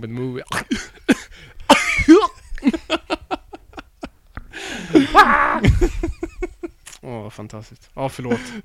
Förlåt lyssnare och förlåt er som inte är födda på 90-talet. Ja, vad gör ni här? Vad gör ni? Ja, Ja, så hur. Nej, men så, så, så, så, men så, så, så fort Spiderman var på, på, på skärmen eh, och, och Tom Holland, vilket i och för sig egentligen hela filmen, så, men du, jag, jag var underhållen mm. på så vis. Och var du inte Och, underhållande ja, men vi kommer det. Och, och jag gillade som du sa att vi lämnar aldrig Queens. Vi är alltid, vi ser honom aldrig vara, alltså svinga från en skyskrapa. Han är alltid vid de Suburban låga- area, Suburban liksom. area. Och det är ju jättekul sen då när han är då i the faktiskt suburban area och måste springa över en gräsmatta eller en Jättebra. golfbana. Jättekul. Du verkligen använder din miljö på ett intressant sätt. Han inte riktigt är, är, byggd och det är en fin eh, tonårsmetafor, vilket det finns, finns gott om. Men min fråga till dig Viktor, vad, vad, vad som störde mig mest är vad handlar den om? Ge mig, ge mig storyn. Men det handlar ju om att det finns en, en skurk som eh, samhället inte tar hand om, som han har listat ut. Är det det filmen han handlar om? Ja, han Är det elevator pitchen? Är det det, är det det du liksom pitchar dina barn? Nej, Nej. elevator pitchen är ju att, att efter att Spiderman fick vara med och slåss mot Captain America, så har Mhm. han eh, typ existentiell ångest och vill bara med igen liksom. Och han får inte. Så att han, hela hans liv går ut att kretsa kring att försöka ja, visa sig värdig att vara med i Avengers. Mm, det, Vilket, vil, det var en bra elevator pitch, men Ja. jag tycker fortfarande det vis, snarare visar ett tillstånd och inte en story. Jag ser absolut, det finns en drivkraft hos Peter Parker, vilket är bra. Det, det, det, det tycker jag det är viktigt att ha. Eh, men jag finner fortfarande inte storyn i det. Vad är det på något vis, han vill en sak, men vad är fortfarande motgången i det som på något vis får honom att bli bättre? Jag hade inte riktigt den här superhjälte-grejen som jag, eller egentligen bara storyn. Jag, jag förstår inte vad storyn är. Okej, men vad är storyn i Batman vs Superman då? Ja men det är ju, det är ju samma problem där, det har ju redan gått igenom. det kan ju inte jämföra samma problem som vi redan har erkänt. Det, nej, det Okej, finns vad är storyn i första Spiderman, Tom Maguire då? Ja, det är faktiskt en intressant grej. Nu måste ju tänka. Nu ska vi se här. Det, det, så där kan du inte säga superhjältefilmen, Jo, jo men en- faktiskt, jo men alltså första kan du ju faktiskt säga, det handlar om en pojke som blir biten av en spindel och måste lära sig handskas med sina, sina krafter och förstå vad är ansvar. Alltså det, det, är, det är ju, hela filmen är, det är ju en origin story, så den är ju enkel, simpel upp och ner. Ehm, så det tycker jag funkar. Alltså absolut, det, som sagt, det finns en drivkraft, det finns ett tillstånd, det finns ett mål, men det jag, jag ser bara inte storyn i det, varför jag ska involvera mig i hans så kallade resa med att, vad, det är Spider-Man. Eh, detta betyder inte att jag vill se en till origin story. Nej tack, jag tycker det är jätteskönt att allt är klart, vi behöver bara ha referenser, jag blev biten av en spindel, så bra, vi vet det. Perfekt. Uncle Ben tror jag, jag vet inte om det, som det nämns, men skitsamma. Nej, det var relativt nyligen va? Det var väl det som de ändå säger bara. Mm. Så att, eh, så det, alla de grejerna. Än en gång, alltså nu, nu bajsar jag på det här mer bara för att du är positiv såklart och vi, vi, vi står nu på varsin sida för en gångs skull. Äntligen. Ja. Men jag tycker fortfarande det här är en bra film. Jag skulle också sätta en trea på den Ja, här. det här är en fyra, det är en stark Eh, fyra. för jag älskar verkligen Spider-Man 2. Alltså för mig, alltså, vad jag också letade i den här filmen var så här, vad är, vad är mitt hjältemoment någonstans? När blir Peter Parker en faktisk hjälte? Mer än att... Det finns absolut, det är inte att han inte är, han är inte Superman i, i Batman vs Superman eller Batman. Eller Superman Han är ju hjälte. Men det är ingen så här hjältemoment. Allting oftast han gör är oftast han i skuld till att ha bidragit till eller bara befinner sig i den situationen. Fast det har han ju inte. Han har ju inte bidragit till Vulture egentligen. Alltså det som han nej, nej, snarare... inte till Vulture i men nästan alla situationer att han hamnade på Jo, något vis. båten är ju lite grann hans fel. Båten är hans fel, alltså även alltså när de är Memorium, Lincoln Memorial, alltså det är, inte, det är inte hans fel, men det är bara han befinner sig i en dålig sits. Ja, det finns ingen, alltså det finns ingen drivkraft, alltså actionsekvenserna dyker upp som en, en, en separat liten klump, en setpiece. Jag gillar att det är få setpieces, att det inte bara är en, en massa människor som slår varandra hela tiden. Också, jag tror Spiderman faktiskt inte slår någon i den här filmen, vilket är kul. Ehm, det, är som, det, det är olika set pieces som absolut är kopplat till Vulture, men det är ingen, så här, mm, det är ingen drivkraft till någonting. Jag bara känner att allting är väldigt så här står väldigt löst isär. Ja, ja, ja, jag förstår vad du menar. Jag tycker en, alltså, jag var, jag var tokunderhållen. Det ska inte vara Citizen Kane, det ska vara popcornunderhållning. Det var perfekt popcornunderhållning. Det är det. Den är perfekt ihopknuten mot de andra. Och det här att argumentera om att det inte har en story och så... Och, så- alltså det är liksom... Det är en superhjältefilm återigen. Det handlar återigen... Alltså det är klart det ska finnas ett tema. Det är klart det ska göra det. Mm. Och temat är ju då att han har fått smaka, han har fått stå i rampljuset liksom. Mhm. Eh, det, tänk, tänk dig själv. Tänk dig själv att du är... eh, Du är, du är Cuba Gooding Jr. Du gjorde Jerry Maguire. Du var hyllad. Du var liksom... Du var där uppe. Du vann en Oscar. Du vann en Oscar. Du fick jobba med Tom Cruise. Du blev värvad till, direkt efteråt typ, så var du ändå med i liksom, Pearl Harbor och det var en stor film och du var ganska hyllad för den och representerade liksom en, en, en hjälte och du var producerades mot det där. Du har de två i, liksom, i, i, i bagaget och sen så kommer du in på måndag liksom såhär ja! Nu ska vi se. Nu ska vi vara här och så ska vi se till att vi ska vara med i fler bra filmer. Och så får han höra, ring inte oss, vi ringer dig. Och du försöker gå omkring på stan liksom ungefär som att, ja men den här filmen då? Den här filmen då? Och du hamnar på Daddy Day Camp och Snow Dogs. Där har du ju den! Det är ju den här, Nej, det är. Fall from Grace. Alltså han försöker ju jobba upp sig igen men det, det, det blir aldrig Nej men det. det tror mig, alltså jag vet exakt, alltså det, det, här visar, det här är de bästa grejerna i, i filmen. Det är två saker. Det är delvis den grejen som jag kan relatera till så mycket. Alltså jag har ändå varit i sån här, alltså det en, en svår bransch att ta sig in i. Eh, eh, film och tv-branschen. Har haft många vändor. Har, jag- har jag berättat min, min eh, Roy Andersson... Jag träffade Roy Andersson i förrgår. Va? Mm. Träffade eller såg? Nej, jag vinkade. Roy! Roy! eh, träffade och ta i. Han satt på en eh, parkbänk i, på Karlaplan. Aj då, så illa. Och, eh, och såg glad ut. Okej, och jag trodde att jag kände honom, så jag sa tja. Och han sa Ja, hej. Du har Och sen- gjort den där för Ulf Ja, Brunnberg Ulf också. Brunnberg, ja. Nej men du vet, alltså jag hade, jag hade en podcast i öronen och jag liksom gick lite sm- smygstressad. Mötte blicken på honom och sen att jag känner Mom deserves the best, and there's no better place to shop for Mother's Day than Whole Foods Market. They're your destination for unbeatable savings, from premium gifts to show-stopping flowers and irresistible desserts. Start by saving 33% with Prime on all body care and candles. Then get a 15-stem bunch of tulips for just $9.99 each with Prime. Round out Mom's menu with festive rosé, irresistible berry chantilly cake, and more special treats. Come celebrate Mother's Day at Whole Foods Market. Even when we're on a budget, we still deserve nice things. Quince is a place to scoop up stunning high-end goods for 50 to 80% less than similar brands. They have buttery soft cashmere sweaters starting at $50, luxurious Italian leather bags, and so much more. Plus, Quince only works with factories that use safe, ethical, and responsible manufacturing. Get the high-end goods you'll love without the high price tag with Quince. Go to quince.com slash style for free shipping and 365-day returns. Mom deserves the best, and there's no better place to shop for Mother's Day than Whole Foods Market. They're your destination for unbeatable savings, from premium gifts to show-stopping flowers and irresistible desserts. Start by saving 33% with Prime on all body care and candles. Then get a 15-stem bunch of tulips for just $9.99 each with Prime. Round out Mom's menu with festive rosé, irresistible berry chantilly cake, and more special treats. Come celebrate Mother's Day at Whole Foods Market. Igen honom, jag vet inte varför. Mm. Fuck it, jag får dra en hej liksom. Ja, Mm. hej hej! Och så vet, stannar upp lite grann ungefär som att jag känner honom. Han säger Mm. hej hej tillbaka. Jag inser att, vänta lite här nu, varför stannar jag? Jag kommer inte, kommer inte ihåg vad han heter. Nej fuck det är Roy Andersson, jävlar! Så Spring! Då pinnade jag på liksom så, här, så att jag hann ändå sakta in och liksom lyfta armen ungefär som att jag skulle vinka men... Men Ja. ja. ja.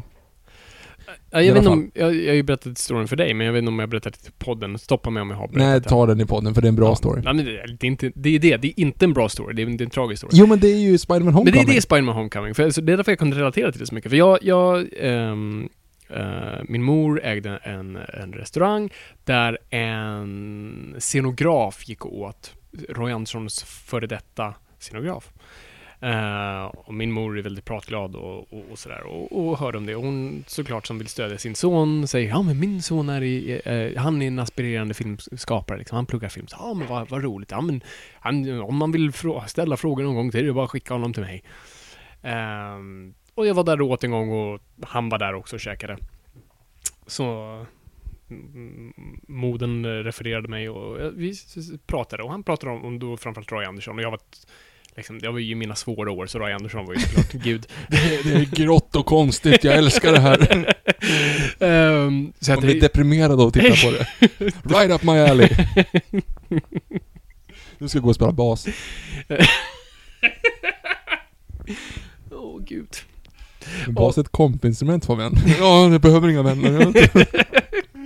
Dum, dum, dum, dum, dum, Story of my life. dum, dum. Lär sig ett kompinstrument. Får du spela själv. Det, det ska min bok heta. Kompinstrumentet och jag. Ehm, basen är min vän. Ja. Ja, vi har många titlar. Um, ja, hur som helst. Så att jag pratade med honom, var ett jättestort fan av Roy. och eh, han hade jättemånga bra historier och sånt där. Och jag vet inte hur vi kom in på dem. Han sa, men du, alltså, om du är intresserad av, att- av att träffa Roy eller kanske ha praktik, jag kan ju referera dig. Och jag blev ju typ, eh, ja, ja, ja, nej, självklart. För jag, var, jag tror jag var runt 17, 18, så det var runt också praktiktider på, på gymnasiet. Så det var, det var ju perfekt för att jag gick på ett medgymnasium som tillät sånt. Så att, ja men absolut, ge, ge mig ett nummer så, så, så fixar jag det. Typ, liksom. Ja men absolut, jag refererar dig och så, så jag ser till att få Roys nummer så kan du, kan du ringa honom. Perfekt. Och så tog det väl ett par veckor och så hade han en, en lapp med hans nummer på. Perfekt. Yes! Och jag var skitnervös. Du vet, så här, hade numret, gick hem, du vet. Du vet, eh, du vet om man skulle ringa någon viktig, det var nästan som en sån här, du vet, man, man tände ljus. man ser till att telefonen är fulladdad och du är liksom in the zone, går på toa två gånger för säkerhets skull. Har numret, eh, jag tror ett kontorsnummer, ringer numret, ingen svarar. Okej, vänta lite, ringer igen. Någon svarar, ah, hej välkommen till Studio 40, vad heter de? Studio 40, inte 44? Ingen aning. Studio 44, 39, Studio 39 tror jag. Skitsamma, vi säger 39. Studio 39, så bara, hej, hej mitt, mitt, namn är Fabian eh, Nordlander. Eh, jag, jag blev refererad av, nu kommer jag inte ihåg, vi, säger Kalle. Eh, jag blev refererad av Kalle, b, b, b, Kalle Karlsson och ehm, eh, han sa att jag ku- kunde få prata med Roy. Är, är, är Roy tillgänglig? Lång tystnad. Ehm, nej, nej, nej, nej, han är, han är på lunch just nu. Kan, kan, kan, han- kan, han, kan han ringa dig? Absolut! Absolut, här, här har du mitt nummer, ska ha mitt nummer. Stackars Så- Fabian. Så la jag alltså. på. Tog, tog ett tag. Han ringde inte. Jag vill inte vara för på, så jag väntade ju några dagar. Tror jag väntade en vecka. Så bara, okej, men eh, hon måste nog bara lagt undan det. Ringer numret igen. Fortfarande den här kvinnan som svarar, så jag bara... det här kan inte vara hans telefon. I alla fall Studio 39. Ja, eh, hej, det här är Fabian Nordlander igen. Jag ringde förut. Eh, jag, skulle prata med Roy. Eh, är han tillgänglig? Nej, han, är- han är inte... Han är inte här just nu.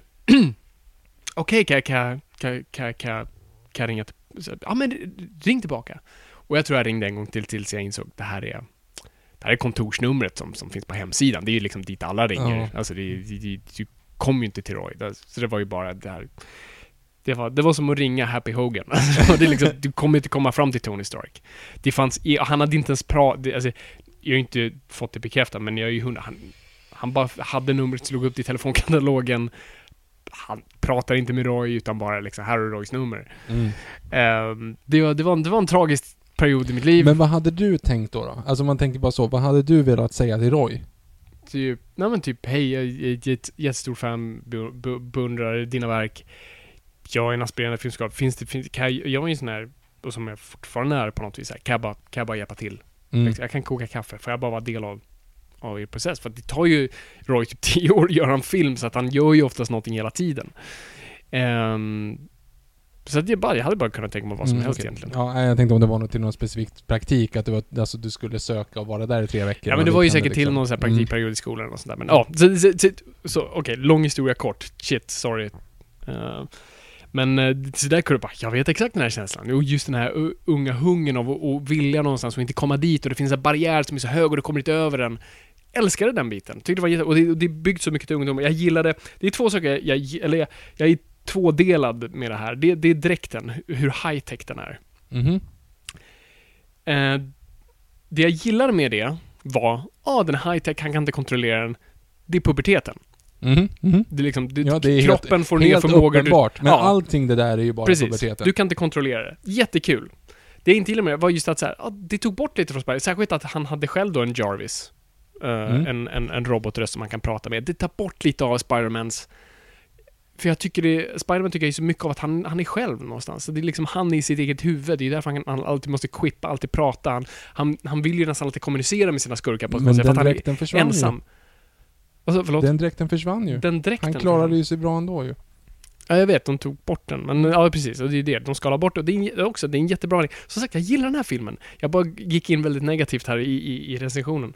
Men, men jag tyckte det var bara lite för mycket med rösten. Jag tycker det liksom tar bort lite från det och man bara gör det liksom high-tech för high-tech skull. Men jag gillade metaforen i det. Men annars, jag, jag, jag gillade liksom karaktärerna runt omkring. Jag gillade miljön. Jag tyckte de bygg, gjorde den här John Hughes eh, ungdomsrullen Breakfast Club-grejen bra. Och jag tycker den kommer tala till den generationen helt rätt. Det känns inte som något som... Lite är det så här, det är mycket 80-tals nostalgi, vilket jag tror kidsen inte riktigt kommer köpa eller fatta eller ens förstå, utan det är från de äldre. Men annars tror jag det funkar. Jag förstår inte ens vad du tänker på nu. Både, Förutom Lego-dödsstjärnan. ja, både tonmässigt och Lego Dödsstjärnan och de går på, inte först, första partyt de går på, på det här partyhuset, där är det ju modern musik. Mhm. Men på The Prom är det verkligen bara så här syntpop. jo men det är. Eh, och det är lite ja. såna, såna vibbar man får. Eh, han har en Fedora-hatt, hans polare där. Så, som sagt, petitess, är inte det inne? Inte det, har inte Jonas Brothers Fedora-hattar? Vi, vi pratar om att låta unga gärna... Just det. Ja.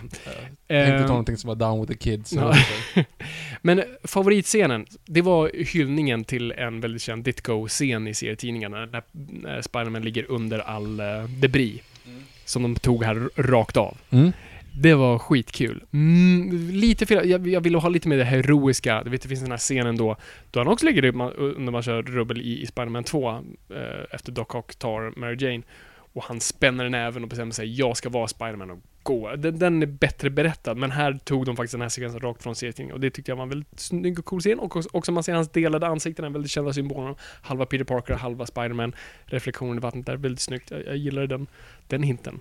Nej, så, så, jag har inget mer att säga mer än att jag, jag var underhållen, jag tyckte det var kul, jag tyckte det var lite synd med vissa av de här. Men vad mer förväntar du? Det är det som är grejen. Alltså, jag, Jag säger att det här är en bara- perfekt superhjältefilm. Jag vill- Jag, jag säger inte vill- att det är en perfekt film. Det är det. Du kan... Jag, jag skulle inte kunna komma på något sätt att göra om det här.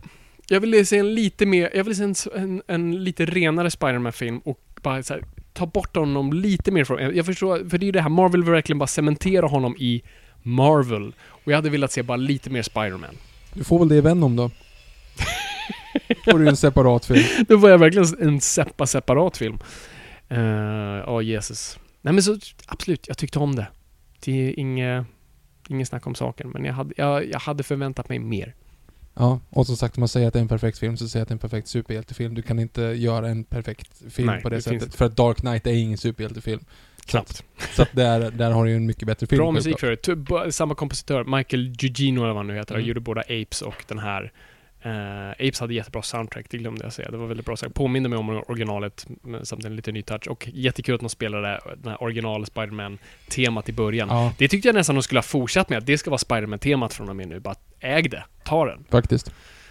Men, Eh, mm. har du några, jag har babblat jättemycket, så har du Nej, några men jag har, alltså, det tankar? är det. Jag har liksom inte så jättemycket mer tankar. Det, det är ju det här, för det, alltså samma sak som man förstör dynamiken i Lois Lane och Clark Kent och Superman, så förstör ju dynamiken Förstör ju inte dynamiken här när ingen vet vem man är. Det är ju bara hans Mm. polare egentligen som vet vem man är. Ja, Den här grejen att han försöker vara Down with kids tänkte jag säga. Han försöker vara en, en, eh, en högstadieelev och också superhjälte. mm. Och det, det kommer man ju undan på ett helt annat sätt. För det fuckade ju upp Amazing Spider-Man när Mm. Gwen Stacy visste vem man var. Ja, precis. Här är jag dock lite rädd för det också i och med att Aunt May, det är ju sista scenen, får reda på att han är Spiderman. Jo, men ja, Så det kommer ju döda lite av den här dualiteten av att säga jag måste hålla det hemligt för att skydda dem jag älskar, vilket är liksom kärnan till Spiderman. jo fast samtidigt kärnan till, till eh, eh, Octopus tänkte jag säga. Kärnan till, eh, till Vulture är ju att han vet ju vem han är. Ja, precis. Så det kommer ju fortfarande vara Det, en ja, men det Ja. finns ju kvar, absolut. Men nu, nu blir det nästan lite så här, för många vet vem man är.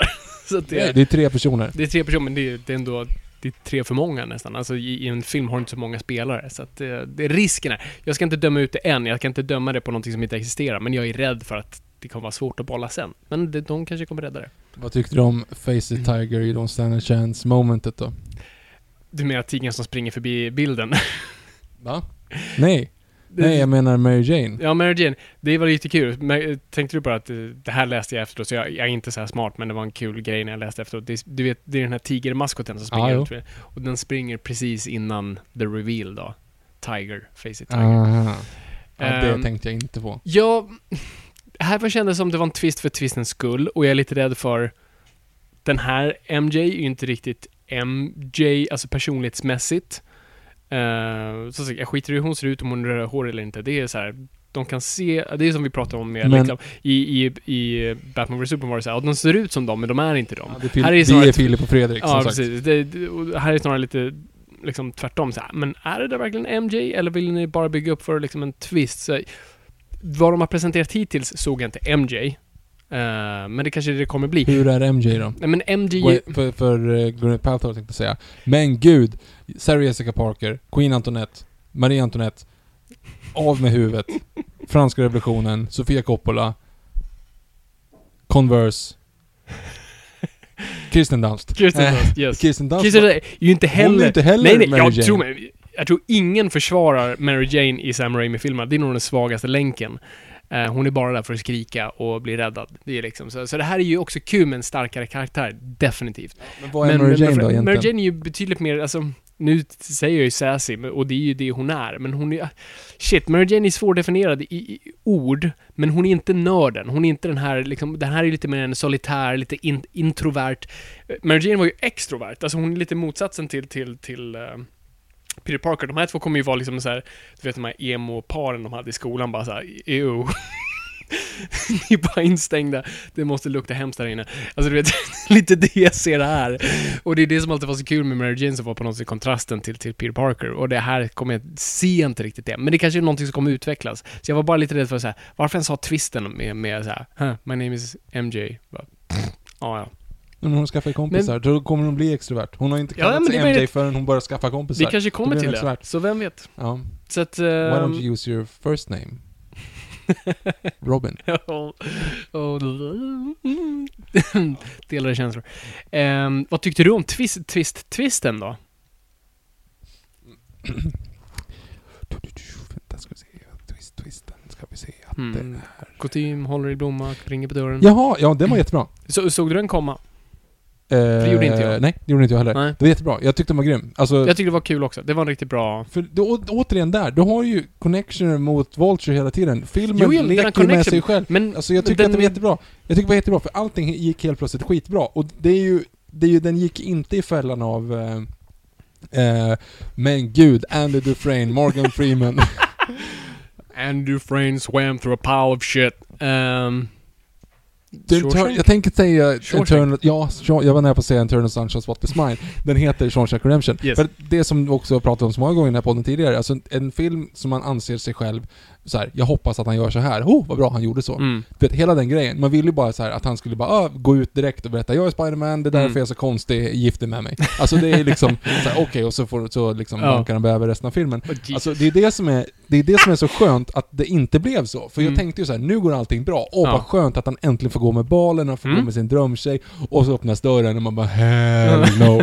Alltså det, det är klockrent. Ja, och det, jag- jag och det är så man vill ju fastna i en sån grej i den i Jag filmen. helt så med man, dig. man, alltså jag satt där och bet på naglarna, jag satt och skrattade, Mm. jag satt och klappade händerna, jag, det gjorde jag inte. Men det, alltså det var ju så här, jag, jag hade jättekul, fast jag var själv, vilket kändes jätteawkward, för att jag liksom kom in och satte mig, jag kom bland de sista in i salongen också, Mm. så alla hade redan satt sig, det kom in en snubbe Ursäkta, själv. ursäkta, ursäkta. Ja men ungefär. Och så liksom sitter man så här på hörnet själv, Mm. och alla tittar på en och man tänker liksom I'm not an animal. Ja, alltså, ja. Satt och skrattade själv. Ja.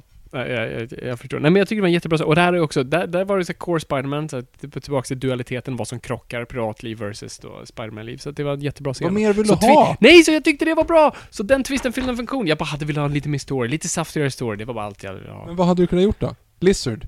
Ja, Nej, jag säger inte att jag vill ha lägga- annan... Jag har inte sagt att jag vill ha en annan Nej men det var en jätte, du vill ha lite mer att, att Peter Parkers föräldrar egentligen var ansvariga, att Peter, Peters pappa var massa- kompis med The Ja, Lizard och det visar sig att... Och, och vi får en äntligen reda på... nedstängd Vi station. får reda, äntligen reda på varför Peter Parkers föräldrar har försvunnit. Jaha, nu? Nej, nej, nej. Alltså vi får reda på snart.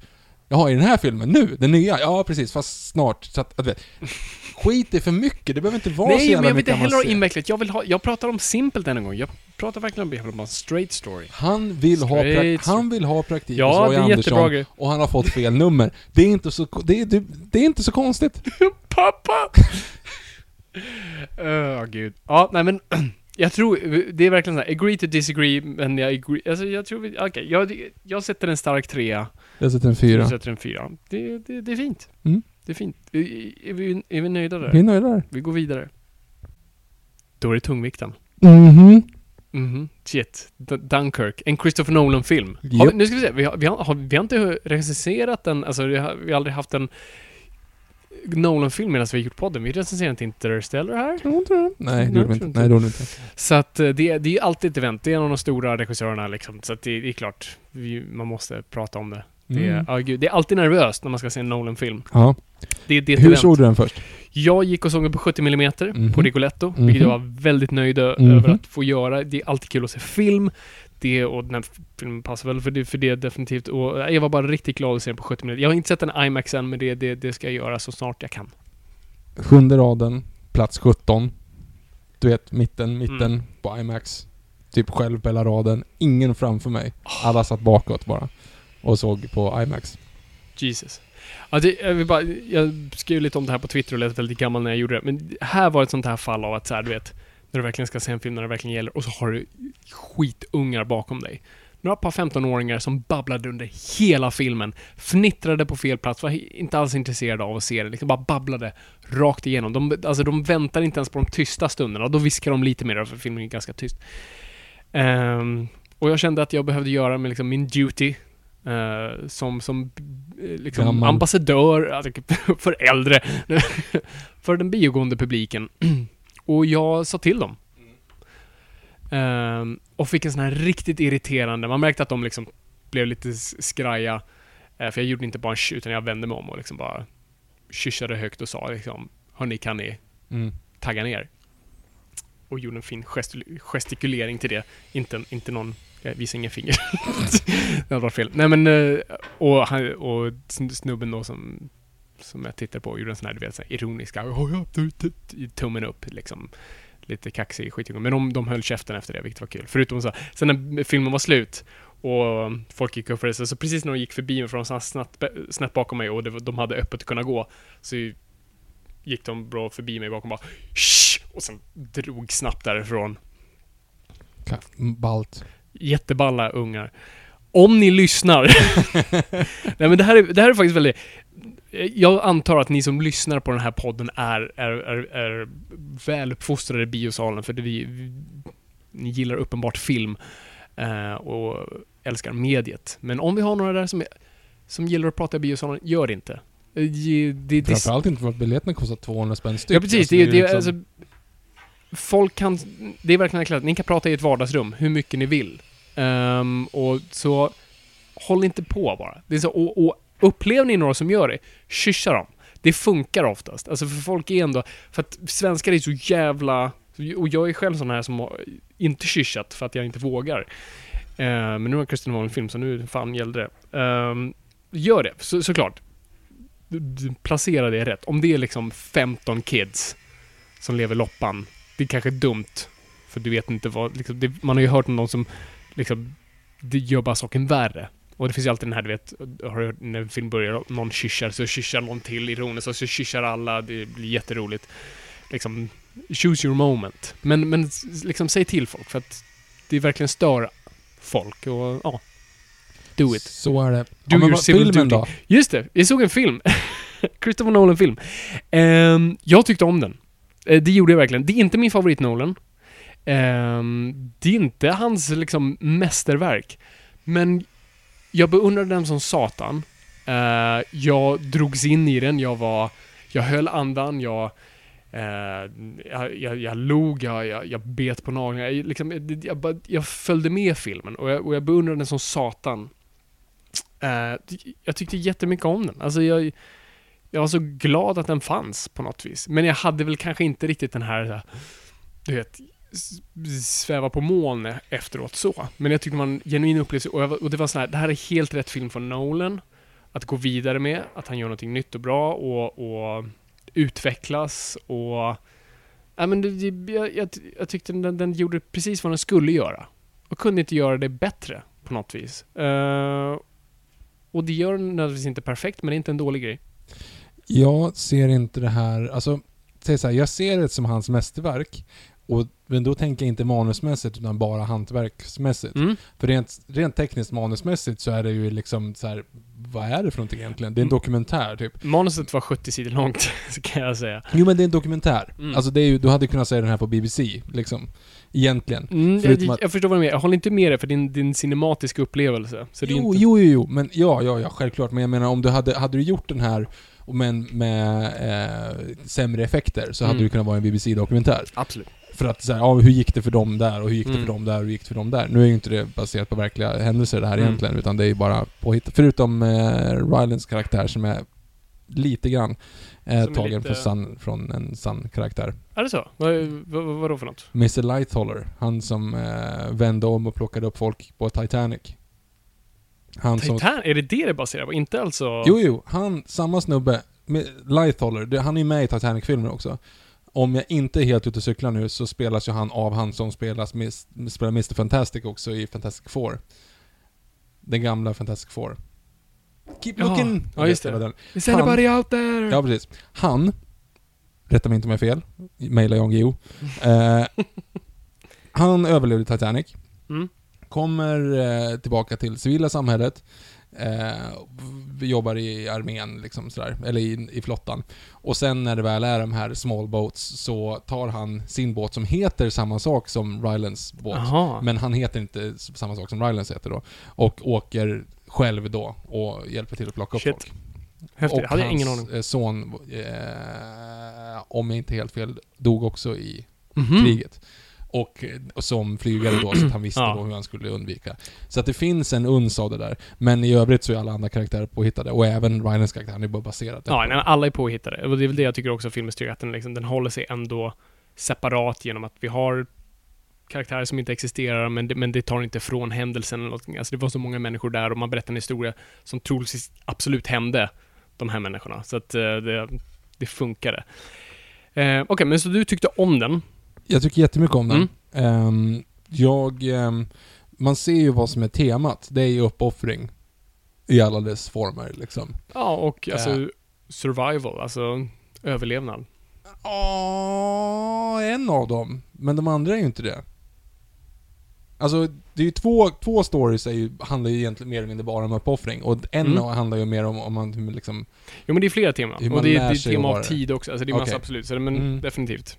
Det är inte fel. Eh, jag tycker att den var, jag tycker att det var helt fantastiskt. Det, klockren bioupplevelse. Och Mm. man tänker bara, alltså första scenen när de är ute och patrullerar gatorna. Ja. Och det bara, bara smälla i salongen. Ja. Att det är bara de här, som det faktiskt låter när någon skjuter med automatvapen. Satan i gatan vad häftigt det var. Man Ja. bara helt såhär, jag är, nu är jag, jag är såld. Mm. Här och nu. Och samma sak när första bombningen av stranden kommer. Mm. Du vet när de kastar, man ser bara buff, buff, buff, buff, buff och kommer liksom explosionen närmare. Så otroligt snyggt. Alla praktiska effekter, helt fantastiska. Som typ är alla effekter. Jo men det, men det är ju helt fantastiska. Alltså Ja. allting är ju... Alltså det är så mycket att, in, att vara imponerad av. Mm. Ehm, sen så, det är någonting ändå som inte riktigt gör att man är... Man är inte helt fast. Jag tror det, Men, det, men det är någonting i efterhand det är det jag har hört mest om det du säger och jag förstår det. Eh, så jag kan inte säga att jag inte håller med om det. Jag bara, jag bara upplevde det inte så. Och det är ju för så många klart, det är brist på karaktär. Och det är ju utav konstruktion. Men det, skit, det skiter Ja, ja. jag egentligen Jo men jag tror det är samtidigt, det är kanske, du skiter i det, men det är det som kanske eh, är det som inte får en att sätta tänderna i den 100% just att det är ingen, du följer inte ett narrativ via en persons resa att komma någon vart, det är ingen liksom riktig personlig, alltså det är ingen dramaturgi i det. Eh, och det är nog därför, det som du säger, det är en dokumentär, vi står väldigt objektivt, det är en sån intressant grej för Nolan jobbar ju väldigt subjektivt och gör den här. Det är en objektiv subjektivitet. Vi, vi, vi ser allting från distans, men vi upplever det subjektivt. Och det är därför vi har dessa, i stort sett, de är inte namnlösa, men i stort sett namnlösa soldater, så vi kan bara kan leva, leva oss in i det. Och vi själva upplever det via deras ögon, och därav subjektiviteten. Men, eh, jag, jag vet inte vilken ände jag ska börja med. Det jag tyckte var lite intressant, jag vill- bara följa upp det, i och för sig, det, det du sa om, om, om eh, pistolskotten. Och som alltid varit fallet med någon, alltså varenda grej som händer betyder någonting. Och det, det är samma sak med pistolskotten. Hans pistolskott, eh, tillbaka till Dark Knight, det är inte, så här, det är inte, det, är- det är inte sönderpepprande bara eh, skott som bara flyger, utan varje skott betyder någonting. Och det gör det här också. Det är läskigt. Ett skott är läskigt. Vi är så, vi är så eh, bedövade av skott på film och liksom pistoler är roliga och det, man kan skjuta hit och dit och det känns men här känns varenda pistolskott som skitläbbigt. Och inte i form av att säga oj, det är, det är miniguns, det är mycket skott, det är extra farligt utan ett skott. Skitläbbigt, för det är så jävla högt och det bara mm, pepprar av människor direkt. Tyckte jag var jättebra. Men, men tänkte du, det här var nästan som en, en direkt anti, eh, och inte på ett dåligt sätt, en anti eh, Saving Pride Ryan. Den är, PG, eh, den är PG-13, inte R. Mhm. Vi ska ta oss ifrån en strand istället för till en strand. och, du vet, och det är inget blod och inget, och vi... Eh, och för jag satt och undrade också, så här, vad handlar den här om? För vi pratade om att ehm, eh, Saving Private Ryan handlar om konsekvenser. Mhm. Och det insåg här, och krig oftast handlar om konsekvenser. Och, det, och när jag kollar på den så men det här, det här handlar inte om konsekvenser, det handlar om handlingar. Vad vi faktiskt gör. Det som händer innan konsekvenserna. Allt det här är ju egentligen the prequel till andra världskrig. Inte riktigt, Mhm. vi är i andra världskrig, men det här är innan det liksom drar igång ordentligt och vi, vi är i underläge. Det här handlar om handlingarna, vad vi gör, vad vi väljer att göra. Eller vad vi inte väljer att göra. Eh, och det tyckte jag var en väldigt intressant aspekt av att titta på andra världskriget, vilket vi har sett väldigt lite av. The casualties of war är oftast det vi ser, men det här är på något sätt uppbyggnaden till det. Det, det, så det, är- det är den polära motsatsen av Saving Private Ryan. Det det, är det du ser i de här du vet, bomberna som kommer närmare där. Och du ser en person som faktiskt blir sprängd av den här bomben. Mhm. Men det är inget blodsplatter, han bara försvinner. Mm. Och vi, förstår. Vi behöver inte se blodet. Varje gång någon blir skjuten, det är, och det är det här som Nolan är så smart för. Många sa ju det när, när ratingen kom ut. Bara, Va? En andra världskrig-film som är PG-13, vad fan? Det kan man ju inte göra. Varför, varför gör man det för? Det är ju dumt. Men våld, här visar Nolan att nej, det- den här filmen handlar inte om våldet. Det är som du säger, det handlar om uppoffringen, det handlar om överlevnad, det handlar inte om att dö, det handlar om att vilja leva, det handlar om att vilja fortsätta, det handlar inte om döden, det handlar om viljan, det handlar om, jag höll på att säga viljans triumf. Oops! Ja, ja. Har inte den på posten. Det handlar om Williams triumf. Citat från När den Lander. är åtfången av landet. Nej men det, det handlar verkligen om, om, om eh, ja, viljan att överleva. Fast viljan att överleva är egentligen, den, den är jag inte riktigt med på. Det är ju snarare att, att du har ju en, alltså just med uppoffringen, alltså Mm. jag har inte riktigt fått in det här i, i uh, Han på strandens storyline. Eh, förutom att han inte, mer eller mindre inte vill offra sin polare. Fast han säger ju det att han gör det ändå, så bara, Mm. "Ja, jag, jag, jag tycker inte att det är bra, men okej, skicka ut honom. Mm. Du vet hela, hela den grejen innan Mm. liksom, båten lyfter, vilket inte riktigt makes sense eftersom den är fylld med vatten så spelar det inte så stor roll om en människa kliver ur eller i. Liksom. Mm. Jag tror inte att det handlar om. Hur som helst. För Tom Hardys version, Mm. han, det är ju så många gånger den här med att bränslemätaren är slut, Mm. att han vet att det är ju en brytpunkt där, när han har Ja. chansen så här. okej, antingen så löser vi det här, Mm. eller så flyger jag tillbaka och tankar. Mm. Men om jag, inte, om jag flyger tillbaka tankar så kanske det går åt helskotta för mig. Så att jag Mm. offrar mitt eget liv. Jag vet att det kommer gå åt helvete nu. Mm. Alltså jag, han gör en, inga referenser i övrigt, men en, en Alec Baldwin i Pearl Harbor. Ehm, alltså de, de vet att bensinen inte kommer hålla, men han, han går ändå Mm. liksom mot målet. Där har du ju en ganska klockren uppoffring. Eh, Ja, för mm, okej, vi kan komma tillbaka till den. mm, Du, du har rätt, men, men, men, men den ena grejen, alltså här är verkligen two things can live together. Alltså den ena saken tar inte, behöver nödvändigtvis inte vara utan den andra. För där, vad jag såg i det var också en önskan, alltså, för den klassiska grejen hade ju varit kamikaze, jag gör min sista uppoffring, jag störtar det här planet och skjuter den sista krauten och så liksom har jag gjort det för mitt land. Utan nej, det är fortfarande han, han ser till att landa. Han ser till att bara sväva ner, landa och bli tagen. Han skjuter inte sig själv. Han, inte- så det är absolut uppoffringen där. Så jag säger inte att du har fel i det. Men det är också viljan. Att, alltså män, människans liksom ständiga instinkt att överleva. Men jag, jag ser snarare inte som att det handlar om att överleva, jag ser snarare att det handlar om att vinna kriget. För där har du ju en annan femma. Eh, Rylands son, Mm. som aldrig erkänner att eh, den där soldaten råkade döda hans polare Mm. till exempel. Då har du ju samma sak, för du vill inte att han... Du vet ju vad post-traumatic stress Mm. är, eller shell, han är ju som Ja, man som säger. de Liksom. säger. Mm. Eh, så att han vet att det kommer bli dumt. Alltså så här, om jag berättar att han också... Han är ju på väg tillbaka. Om jag berättar Mm. att han också råkade mörda en snubbe, så kommer han aldrig komma tillbaka. Mm. Men den här snubben behövs för att försvara vårt land för han är en av soldaterna. Så Mm. han, han medvetet sväljer sin stolthet att inte få... Att säga, men jag, jag, Mm. nej, hur gick det för honom? Frågar han. Så, ja men det gick bra, det är lugnt. Och jag vill att han ska leva. Jag vill att han ska kunna leva ett normalt liv. Alltså Jo, precis. fort, så du har, du har Ja. båda grejerna där som leker. Så att, och där har du ju den enklaste grejen, för han gillar ju inte honom. Han låser in honom du vet Ja, hela den här absolut. grejen. Misstänksam mot honom han, hela han, tiden. Så att hans, hans liksom Caesar moment hade ju varit att få liksom, ja men din idiot, du dödade Mm. honom bara för att Precis. du är som du är liksom. Men han väljer ju att inte göra det. Han Mm. får inte den egna eh, satisfaction, jag kan inte säga det på svenska. Tillfredsställelsen. Tillfredsställelsen att liksom sätta dit den här snubben som han inte gillar, utan han, för, han offrar sig för liksom the greater, the greater good Mm. då.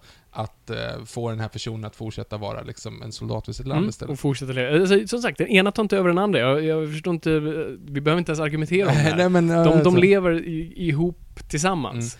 Men sen däremot med överlevnadsmässigt, där har du ju den här snubben på stranden. Han har en helt annan grej. Han, är ju, han försöker ju bara tjuvtricka sig ut Ja, ja, hela tiden. Han försöker göra, man säger, jag älskar den grejen också. Att han, han vill hela tiden därifrån. Någonting som jag, jag, jag hade lätt varit honom i den här Ja, storyn. jag är inte Tom det. Hardy. Ja, men alla hade varit ja, det. det liksom, Ja, Jag ja. hade lätt som så, när de gömmer sig under bron där.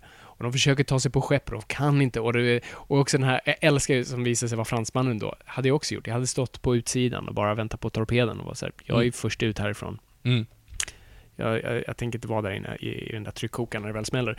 Så att, eh, det är ett jättebra as aspekt av det. Att du faktiskt ser det. Heroism är någonting som, som du vet, det, det är inget som kommer lätt och det, det är inte det som många har. Och, och också heroismen är, som de säger i slutet, nu kommer jag inte ihåg exakt när Harry Styles då, eh, tror att de ska bli på något vis beskyllda för det som har hänt och komma tillbaka i Mm. skam. Och han säger, the only thing we did was survive. That's enough son. Mm. Mm. Och det är en jättebra grej. Det är liksom hjältemod, kommer i olika former. Det är en jätte... Ja, det är fantastiskt bra tematik där. Ja. Sen fattar inte jag, jag fattar inte riktigt grejen med blinda snubben. Jag Eh, förstår inte temat i den. Vänta nu, blinda snubben. Nu... Han som välkomnar dem tillbaka. Han säger att han vill inte ens titta oss i ögonen.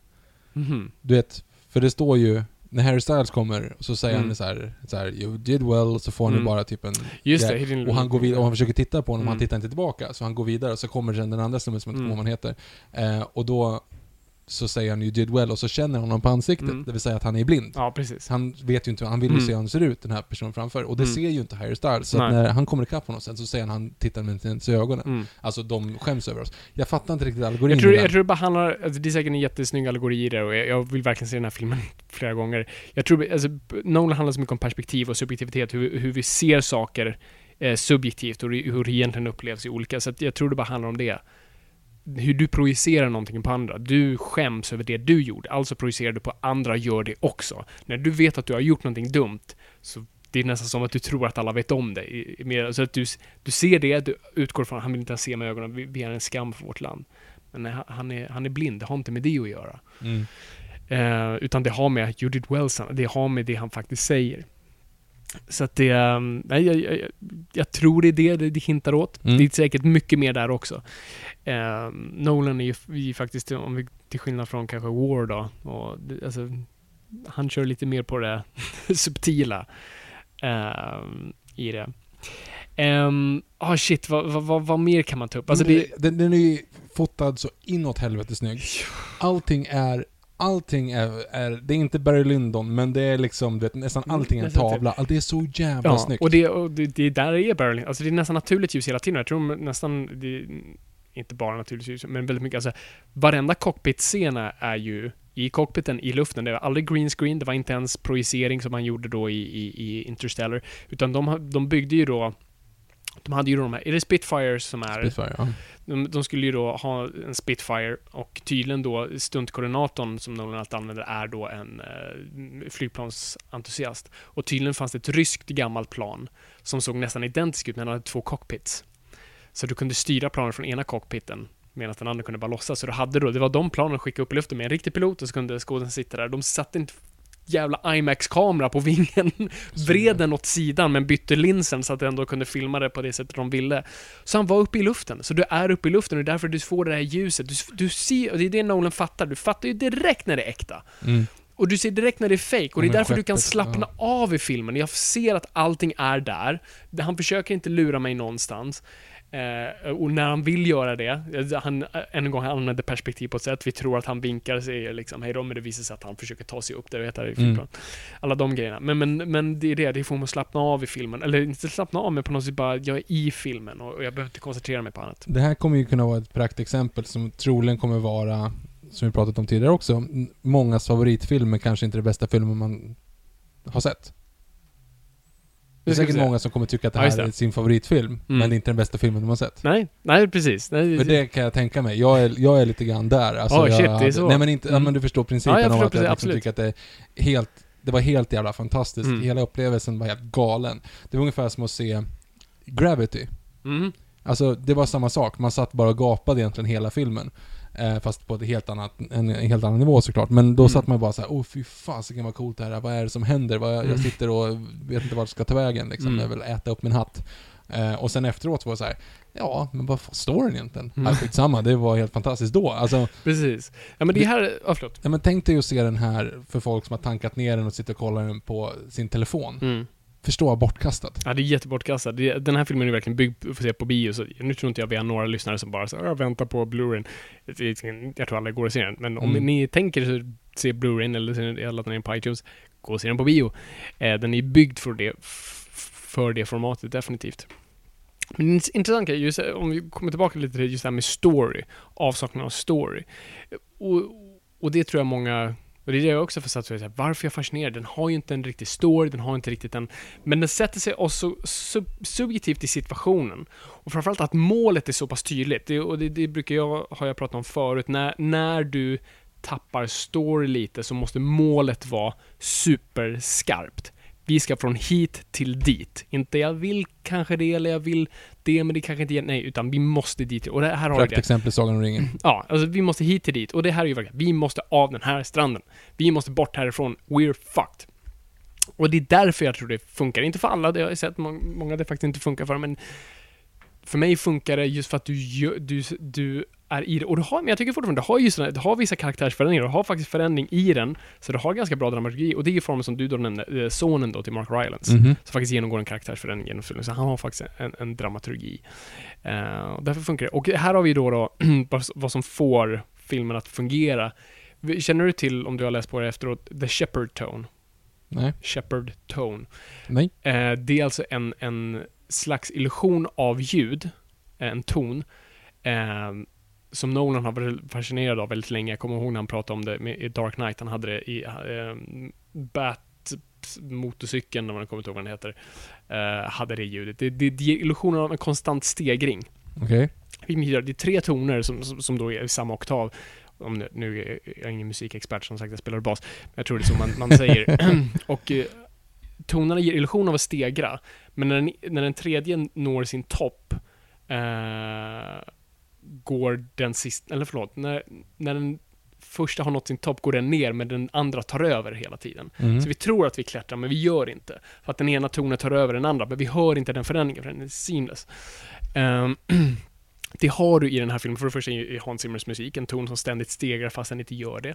Eh, och det var så också Nolan valde att skriva manuset. Att vi har tre stories och de, steg, vi, de steg hela tiden. Vi tror att det är en oändlig steg, vilket det inte är, utan den ena kanske går ner så tar den andra över den. Så det manuset är skrivet efter en musikalisk ton, vilket är helt sinnessjukt. Och eh, det var det då eh, han, eh, Nolan instruerade Hans Zimmer att använda musiken plus då en klocka så att vi också hör tiden hela tiden. Alltså det är ju en tredje akt. Hela filmen är en tredje akt. Hela filmen är en tredje akt. Mm. Men det är just därför, jag tror det är därför filmen funkar, för den är just byggd efter den här Shepperton, så vi känner ständigt bara... Mm. För jag, jag hade ju jättejobbigt att se den här. Alltså jag, jag mådde ju fysiskt jag dåligt. att din, du satt och svettades där när planet höll på att sjunka. Ja, den var jobbig. Det var, det var inte den jobbigaste, jobbigaste var första skeppet tror jag som Mm, sjönk. mm. Eh, Ja, det är samma följer- princip. Det är samma Ja. princip, men det var ju såna, det, det, det också, för vanligtvis när vi ser skepp sjunga, vi ser allt som händer, men här ser vi, det var bara mörkt. Och vi ser ibland konturen av någon människa och det var såhär, oh, fan vilken klaustrofobi, fan vad äckligt. Så att absolut, de grejerna är ju skitjobbiga. Ehm, Kul att man aldrig ser en enda tysk i hela filmen. jättebra att du tog upp det, älskar det också. Mm. Det, det var det, en av de bästa grejerna i filmen, för det är också en sån här grej vi tar för givet, när nazistuniform och onda och allt sånt där, vilket de var. men just att troligtvis de flesta soldater såg aldrig en tysk. Nej, precis. Man sköt från distans, man, man siktade på någonting som rörde sig, man, alltså de flesta såg aldrig en. Och det är så man upplevde fienden. Det var liksom en, en, en ansiktslös närvaro. Och eh, det gör de helt rätt här. Och särskilt i, i, form, i, i kontexten av, av den här storyn i Dunkirk, då de bara, inte, faktiskt inte ens var, de bara plockade dem från havet och himlen och de liksom rörde sig i staden. Jättesmart grej. Och det är också i den här känslan av, av, av, klaustrofobi, Ja, isolering framförallt. isolering. Men det enda du ser, du ser ju axlarna på dem när de har I slutet, ja. Precis. Men annars har du ju ingen. Och du har ju aldrig den här inzoomningen in så du ser liksom Darth Vader i sin... I sitt skepp liksom. Nej, precis. Och du ser inte nazi-uniformen, lågan och dödskallen och allt sånt där. Utan Mm. vi, vi vet. Mm. vi vet att de finns där och det är skitlätt och det, det räcker nog. På tal om då, eh, jag tänkte för jag, jag kände så här, för jag, när jag såg filmen så, ah, fan vad klaustrofobisk jag känner mig. Filma på 70 mm, fan vad klaustrofobisk. Vänta nu. We've been here before. Mhm. A presence I haven't felt since. Quentin Tarantino. Yes. Mm. Jätteintressant, så jag satt och tänkte på det. Okej, varför funkar det här och varför funkar det Hateful Eight? För här har vi två filmer som ska jobba som tryckkokare, jobba på spänning, filma på 70 mm, men jobbar i en slags klaustrofobisk miljö. Jag tyckte ju då, i, när vi pratade om, att, om Hateful Eight, att jag tyckte Tarantino använde film helt fel där. Han kunde inte konstruera en spänning med så breda vyer och, och mysteriet föll på grund av, också för att han skrev det från fel håll. Eh, men att den, den fungerade i det. Alltså, han, han ville bara filma på 70 och brett. Inte för att storyn behövde det, utan för att han tyckte det var kul. Här fungerar det bättre, för här är isolation av, av öppet landskap. Att du har den här superbreda stranden, men det räcker inte till. Du, har, du ser, och det är som de säger, de, vi ser hem, men vi kan inte nå det. Och det är nästan läbbigare. Att vi finns på den här platsen. Jag, jag, jag, jag kunde inte först tänka var jag kände igen det, men jag kunde relatera till den här tanken av att vara på en plats som inte behöver vara instängd, men jag känner bara liksom, jag, jag känner mig klaustrofobisk i den här miljön. Trots att den är vidöppen och så här. Alltså när du kanske är i ett annat land kan du få den här känslan av att bara säga, jag känner mig inte hemma här, jag känner mig på något vis klaustrofobisk. Alltså det är den känslan för mig. Så, det, så, det, så här fungerar de här, den här vistan väldigt skitbra och fyller en gång en funktion, vilket Nolan är expert på. Allting måste fylla en funktion. Um, och det funkar skitbra. Nej, jag, jag tycker den var hur bra som helst. Eller det är en, det är en stark fyra liksom. Um, men det är en, som sagt, det var någonting... Vi kommer fram till det lite grann, men det är ju någonting ändå som man får känslan av efteråt så att det, varför, varför nådde den inte fram hela vägen? Men det, jag tror att det är gravity-fenomenet. Du sitter där och är Mm. helt inne i det. Ja, Men när du väl kommer ut så minns du kanske inte alla bilder och du minns inte just det här fantastiska utan Nej, du, du behöver se om den för att Jag verkligen börjar verkligen förstå som den. det. Och det, han påminner ju än en gång om Kubrick på så vis. För så, så kände jag alltid efter en Kubrick-film. För jag- varje gång jag såg en Kubrick-film så bara wow, shit, wow. Jävlar, ja den där måste jag suga. Och så, men så här, ja men ja, jag vet inte riktigt vad jag kände. Och så tänker man på den och så tänker man på den och så blir det helt plötsligt din favoritfilm. Eh, och det, jag har alltid tyckt att Nolan går lite i, i Kubricks fotsteg som jag har sagt förut. Just att han tar en genre och definierar den på nytt. Nu gör samma sak. Han byter, en gång också, hur Tarantino så bara gräver i samma hål. Kolla vad jag hittar! Ja, vi vet, det är en sten till. Uh, Kattguld. Um, Medan här Nolan hela tiden byter på, han byter både genre och sätt att berätta. Här gör han en stumfilm i stort sett. Mm. Han, han, han, han gör en genuin stumfilm, väldigt få repliker. Han, gillar också konst. vad sa du? Ja, förlåt. Nej, kör. så att han testar nya saker. Du kan du tittar på den här och Dark Knight, absolut, du ser en linje, men det är två helt olika filmer. Interstellar och den här, två helt olika filmer. Det är inte, han gräver inte i samma hål. Bara det är en sån grej som är... Och så är det också det stilistiska att uh, unga soldaterna är oerfarna skådisar. Mm. Och de äldre är liksom bankable Hollywood Ja, stars. Victor, jag älskar dig. Du, ja, du, det, den är snygg alltså. bra s- uppsnappat, för jag vill ta upp det också. Det är Mm. exakt så. Alltså, eh, än en gång, allt måste fylla en funktion och Nolan är verkligen för det en gång i casting. Mm. Där har du precis det. Ansiktslösa soldater, det, det jag tror inte det är en slump att de ser nästan likadana ut de här tre. Folk, har skrivit det som en kritik. Så, Mm. Jag kan inte se skillnad på de här tre vita snubbarna. Ja, ja, Det är meningen. Du har rätt. Mm. Ehm, och sen har du då Kenneth Branagh i den här rollen. För att vi automatiskt, vi bara ser Kenneth Branagh, så ger han en auktoritär känsla och jag litar på honom och, och jag får direkt, alltså du behöver inte ens uniformen. Jag bara, okej, Kenneth Mm. Branagh, jag vet vad du står för eller vad du är. Och Skitsmart. samma sak när det kommer en, en dogfighter pilot liksom som Tom Hardy som Mm. är värsta actionhjälten liksom, som alla vet om är en stor Hollywoodstjärna. Mm. Och Mark Rylance då som också är en här liksom Ja, erfarna fadersfiguren. faders- ja, fan. Nej men det är smart casting hela, det enda jag kände på något vis som var lite så här, hmm, den här kan inte koda av, det är Harry Styles. Men Harry Styles, jo.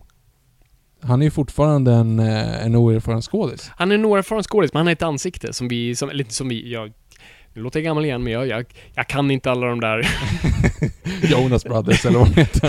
R- Rolling Stones. Uh, nej men, det, Nu, alltså han nu är... refererar du till dina, din pappas föräldrar. Alltså nu var du verkligen ännu äldre. Jag vet, det, det var medvetet Viktor. Ja, det, går, Eh. det, det är rabbit hole här alltså. Nej men det, det, på något vis var det så här, ja men oh, honom känner ju, eller ska jag känna igen? Han är ett ansikte fortfarande, som inte, han är inte ansiktslös på så vis. För eh, jag tror egentligen för majoriteten är han det som går att se såna här filmer. Ja men det tror jag också. Och Men så att, det, det funkar jag för, tror- men jag tycker det var bara intressant. Bara, Jag tyckte inte att det handlade om att vara ansiktslös. Jag tyckte det handlade om att inte ha en erfarenhet.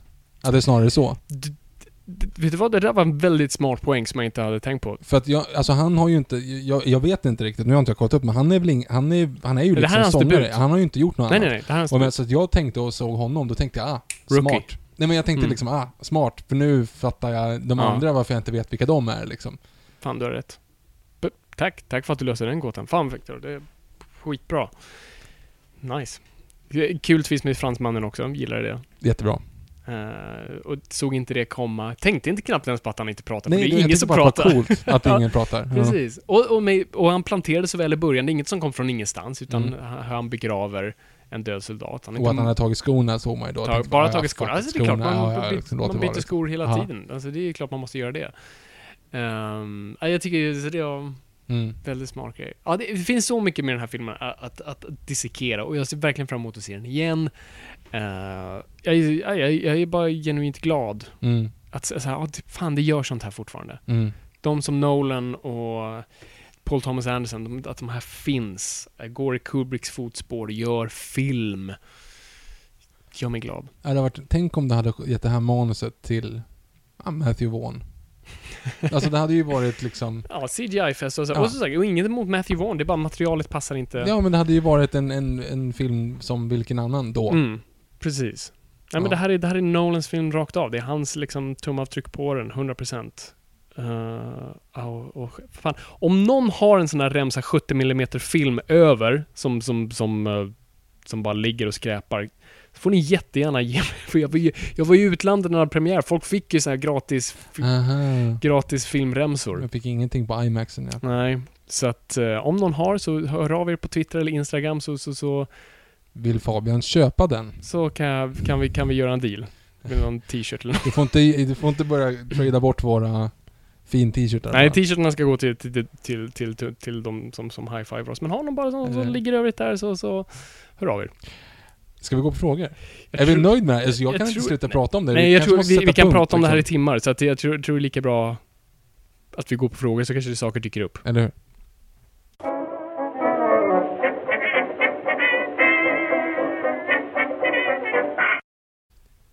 Då är det dags för frågorna som ni ställer på Instagram och Twitter. Wow. P3. Dum, dum, dum. Statsminister Olof Palme. är, eh, Varje gång! Det är den jag tänker, men det är den jag tänker Ja, på jag gång. förstår. Ja, ja. Du lyssnar på för mycket P3 Dokumentär. Japp, ja inte den. Jag tänker på, det är Palmemordspodden tror jag. Ja, just det. Det finns en hel podd ägnad Mm. till. Japp. Intressant. Men det är inte därför vi är här. Det är inte därför vi är här. Vi ska ta era frågor, så vi, vi hoppar direkt in, för det är många frågor. Oh yeah! Eh, då har vi fråga, börjar här på Twitter. Uh, at xmage2. Vad tycker ni om Grant Morrisons JLA? Hur kommer Justice League-filmen vara med tanke på alla reshoots? Uh, alltid fan av Grant Morrison. Eh, jag tror hans GLA-run, Vad är GLA? alltså Justice League of America, det är liksom, det anses vara en av de liksom, bästa. Jag vet att Kevin Smith tycker att hans story Rock of Ages är liksom bland det bästa som har gjorts och sånt där. Det är inte det med Tom Cruise. Det är inte det med Tom Cruise. Ehm, så att det är liksom... Det är bland det bästa som har gjorts med den, liksom, med det, det gänget. Ehm, hur kommer ja, Just League-filmen med tanke på reshoots? Vet ej förrän vi ser det. Lite svårt Det, att veta. det kom ju ut att det var väldigt, alltså det skulle vara månader av, av, av eh, reshoots. Vad, vad är det ett tecken på egentligen? Det är tecken på en ganska stor omstrukturering, att det krävs rätt mycket. Det kan vara, alltså, det är alltid svårt att säga. Det kan ju betyda att de behöver alltså Antingen behöver de liksom ändra stora set pieces eller så ska de bara piffa till lite här och var, men det är fortfarande många set pieces så att man sprider sig tunt så du måste ändå så här. Det tar tid att bygga skit och du måste, och det är ett, också att det är ett sånt stort gäng, alltså det är, det är liksom sex karaktärer och de har sina diverse scheman. Det har ju varit så mycket snack om Henry Cavills mustasch att de måste retuschera bort den och grejer. Eh, så att det kan ju också vara det, bara få faktiskt alla på samma plats. Så Det är en jävla, det är en, eh, vad ska man säga? Vad heter det? Jag vill säga statistisk mardröm, men det, det, det heter någonting annat. En, eh, Eh, när man organiserar. Or- organisatorisk mardröm? Mm. Nej. Skitsamma. Skitsamma. Så att det det- svårt att säga. Men jag står nog fortfarande fast vid att Joss Whedon som kommer från TV, fattar dealen, kommer vilja framföra uh, Zack Snyders vision. Är de klara nu då? Nej, jag tror inte det. Sjukt hur länge de har hållit på. Nej, jag vet inte. Men det, alltså, det, alltså, det är inte. Ja. De, det, ja. Det, är- det är ganska vanligt ändå. Inte att det håller på så här länge, men änd- ändå så här snart in, inför premiären inte superovanligt. too early to say.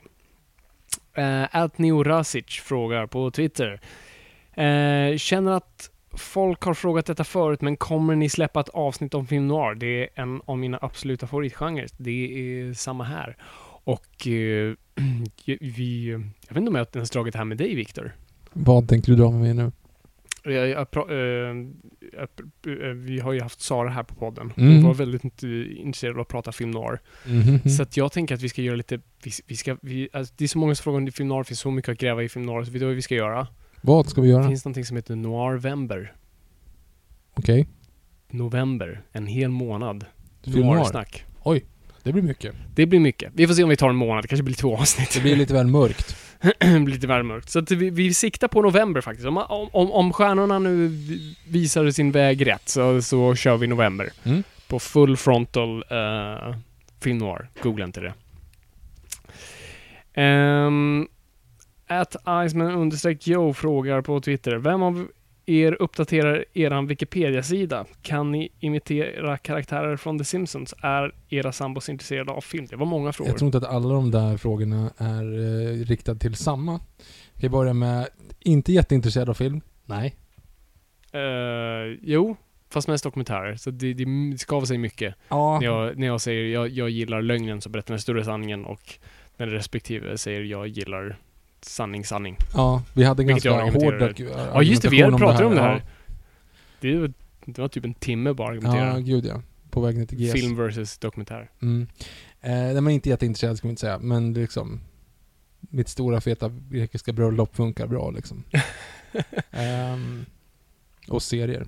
Mm. För övrigt, kolla jättemycket Parks and Recreation nu. Fy fan vad bra det är. Jag Jag har ju liksom inte... bott under en sten, så jag har missat det där. Mm, jag är bor fortfarande under stenen, så jag ska se det. Mm. Definitivt. Jag kommer inte ihåg vad Det var vem som fixade vår Wikipedia-sida. Ja, det- jag sitter och uppdaterar när det kommer nya avsnitt. Eh, det var inte vi som skapade den, ska jag bara säga. Mm. Eh, men eh, eftersom den skapades och var typ mer eller mindre bara så här. det är en podcast och sen så stod det ingenting. Och Mm. sen så var det ju första typ sju avsnitten, så var så här, nej fuck it. Eh, för det var ju, eh, jag antar att det var i samband med när vi vann podcastpriset, så Oho. fick vi in det. Snart är det omröstning, hjälp oss. Eh, så gjordes en, en Wikipedia-sida. Jag vet inte om de görs automatiskt om de skriver in sådär, för att de länkades ju. Mm. Så att eh, det fanns liksom en sida som fanns men inte var uppdaterad. Ja. Så att nu sitter jag och lägger upp när det kommer nya avsnitt. Mm. ja, men det, Men det, är folk som jätte- inredigerar den där. Det är ascoolt. Jag Kul. får ju tacka för den för övrigt. Ja, det är jätteroligt. Gå Ja. in där och, och var snälla. Ja precis, skriv inte in några andra saker. Ett Iceman Joe hade en till fråga. Har ni sett True Crime dokumentärserie som The Jinx och Making a Murder? Jag har bara sett Making a Murder. Jag såg bara några avsnitt, sen blev jag arg. Eh, för att jag litar inte på den dokumentären. Och jag tyckte Mm. den, den var på tok för lång. Och den... Mm, Mm. mm, mm. Mm. Jag har inte sett den. där, där har vi, som sagt, jag gillar lögnen som berättar en större sanning, inte lögnen som visar lögnen. Men, Okej. mm. Nej, jag, jag har inte sett. Då går vi vidare. Ät äh, Mästerpågen. Eh, var i London och köpte sju Injustice-album. Shit, finns det så många? Mästerklass. Eh, vad ska man läsa med Justice League som är bra? Viktor, hur skönt är det med... Du kan ju ta en fråga i Okej, taget. då tar vi en fråga. Ehm, kul att Injustice är bra. Ehm, det, är ju, det, är, det är baserat på tv-spelen. Tv-spelet som inte jag har spelat så därför har jag inte läst dem. Men de, de publicerar fortfarande så jag tror det är sån här crossover man gjorde som råkade faktiskt bli bra. Så det är ju kul. Men är det en crossover? Eller crossover, vad kallas det? Spin... eh, vad fan kallar man det? Elseworlds? Nej, alltså cross promotion. Alltså Ah. man gör en... Vi gör en serietidning till det. Jaha, jag trodde mer att de var en cro- crossover mot Marvel typ. Ja, nej, men du vet så här, Ja. när det kommer en, en film ibland så, du vet förut när man gjorde superhjältefilmer då gjorde man ju alltid så här, the comic book version av det. Och det kändes lite som det här var det. Hur Men, C3PO fick sin röda arm. ja, precis. Ja, det görs ju faktiskt fortfarande. Mm, Men det var ju så här, varje Batman-film kom ju då med en serietidning som var i stort sett filmen i serietidning. Ja. Eh, så att det är kul. Nej men jag tycker du ska läsa, alltså vi pratar om Grant Morrison, så fan Grant Morrison bra. Jag tycker faktiskt, alltså New 52 har väldigt bra uh, Just League Stories. Jag skulle gå på Dark Side War. Eh, den är väldigt kul för om du är lite nybörjare. Eh, så att eh, kolla upp den. Det är en bra början tror jag. Det var på Twitter. Ja, du sa ju att jag hade en fråga där också som du läste nu. Ja! Du ser, jag har ju dåligt minne. Så Jo, att men du får ju komma ihåg. Kan inte... Viktor, vad tycker du om att Djurgården är topplag igen? Ja, det känns jättebra. Två i Allsvenskan. Typ tre poäng ner till åttondeplatsen. Skitsamma. Sluta spela nu. Ja, precis. Nu lägger vi av. Ja, då börjar vi här på Instagram. Marcus Willershausen. Ursäkta alla lyssnare som bor utanför Stockholm, men... Punkt, punkt, punkt.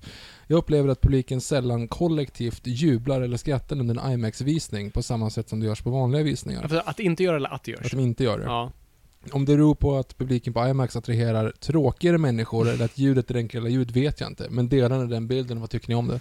Jag gillar IMAX-publik, men jag tror det är lite samma sak som jag pratade om med ehm, eh, VIP, VIP-salarna. Det är dyra biljetter. Så att folk som bara ska gå på bio för att sitta tjo och kimma inte vill ju betala dem Jo, men du kan ju fortfarande tjoa och simma av glädje. Du kan ju liksom... Ja, men jag tycker den, kommer du ihåg när vi såg Deadpool där? Det Ja, var ändå det. tjo och tjo, fast det var bra tjo, alltså folk reagerar med Mm. filmer på rätt sätt. Så Nej, jag, ja. jag, jag har inte upplevt att folk är på något vis här tystare, de är bara mer väluppfostrade. Mm. Och jag tror också, IMAX drar också lite mer, jag tror genuina filmfans som, som går dit av ett specifikt syfte. Det är ingen som bara säger ah, vi, kan, eh, ja, vi tar den där. Alltså, folk gör ett genuint val när de ser och, och biljettpriset Mm. gör också en sak med folk. 200 spänn eller något sånt. 205 eller sådär. Ja, något sånt. Ehm, Erik Odal, största svenska skådespelaren eller skådespelerskan någonsin. Dolph, Don Skarsgård, Max von Sydow, Alicia Vikander, Malin Åkerman. Med alltså frågetecken efter alla de här. Mm. Men med en parentes då att man kanske knappt borde räkna Malin Åkerman som svensk. Nej, det finns ju knappast. bara ett svar på det egentligen. Jaha, låt, låt höra. Men vem, vem är den största Hollywoodskådisen någonsin? Någons... Jaha, du tänkte på Ingrid Bergman? Ja. Ja. Ingrid Bergman måste ju vara det. Det, det är det definitivt. Det, det, det är nog vår största. Alltså, det, men det går inte ens jämföra med Nej, alltså, det- nej. Faktiskt. Alltså hon hade ju en genuin Hollywood A-list topp-karriär. Ja. Och jag tror inte någon av dem på den där listan ens har... Alltså många av de här är ju så här bra karaktärsskådespelare som får en härlig biroll. Men Ingrid Bergman var ju faktiskt top of the pops. Fantastiskt. Annars ska jag Eh. säga som lever idag väl Stellan. Stellan är väl så mest prestigefulla namnet av dem. Små, Max. Jo, han också. Jo, men kanske inte just nu. Nu får han lite så här prestige. Han är gubben i hörnet. Jo, han var med i Game of Thrones. Eh, Mhm. eh, ska se Star här då. Wars. Emil Ved, ja just det, Star Wars också. Ja, eh, Emil Wede. Eh, en reflektion när man satt och väntade på creditscenen i Homecoming. Gwyneth Paltrow var alltså namn nummer tre. Kan det vara hennes krav för att ställa upp i Marvel-filmer eller? Mm, jag tror det är snarare en morot. Alltså, alltså bara sådär... Ja, kanske. Alltså jag tror inte man lockar med det. Det är såhär, gör det här så får du en credit. Utan snarare bara, det är en respektfull... Bara man visar, tack så mycket. Ja, det blev lite... Du är stor. Trots att du är en liten roll så är du enorm. Jo men det var, det var ju lite grann det också. Det kan ju bara vara för, för att locka tittare, men jag tror inte att hon är tredje bildad Men, annars. nej, inte i poster. Det är Och inte, jag tror det hölls lite under wraps att hon Ja. var med. För jag hade ingen aning om att hon skulle vara med. Mm. Ja. Så att, ja. Så det måste jag. Alltså ibland gör man... Vad fan, vilken film är det? Jo men det är ju till exempel... Uh, du vet, Kevin Spacey nämns ju inte i förtexterna eller i... Ja, det, i, i men han är Seven. första som dyker upp i eftertexterna. Mm. Kul. Ehm, Sa jag Seven nu? Jag sa inte bara Kevin Spacey. Och Du sa bara Kevin Spacey, men Jag det är det, Kevin. Spacey, Seven. Ja. Det här är jobbigt när man är, så här, delar en hjärna ibland. Men, så här, jag säger någonting, du fattar direkt vad jag menar och jag följer inte ens upp på det. Ja. Just det, vi har folk som lyssnar på oss. Ja, just det. Kevin Eh, Spacey i Seven. Det var en... Shit, sorry. Spoiler. Den är gammal. Ja, okej, men nu erkänner du, nu berättar du att det är en spoiler, annars hade ju ingen brytt sig. Skit! Okej.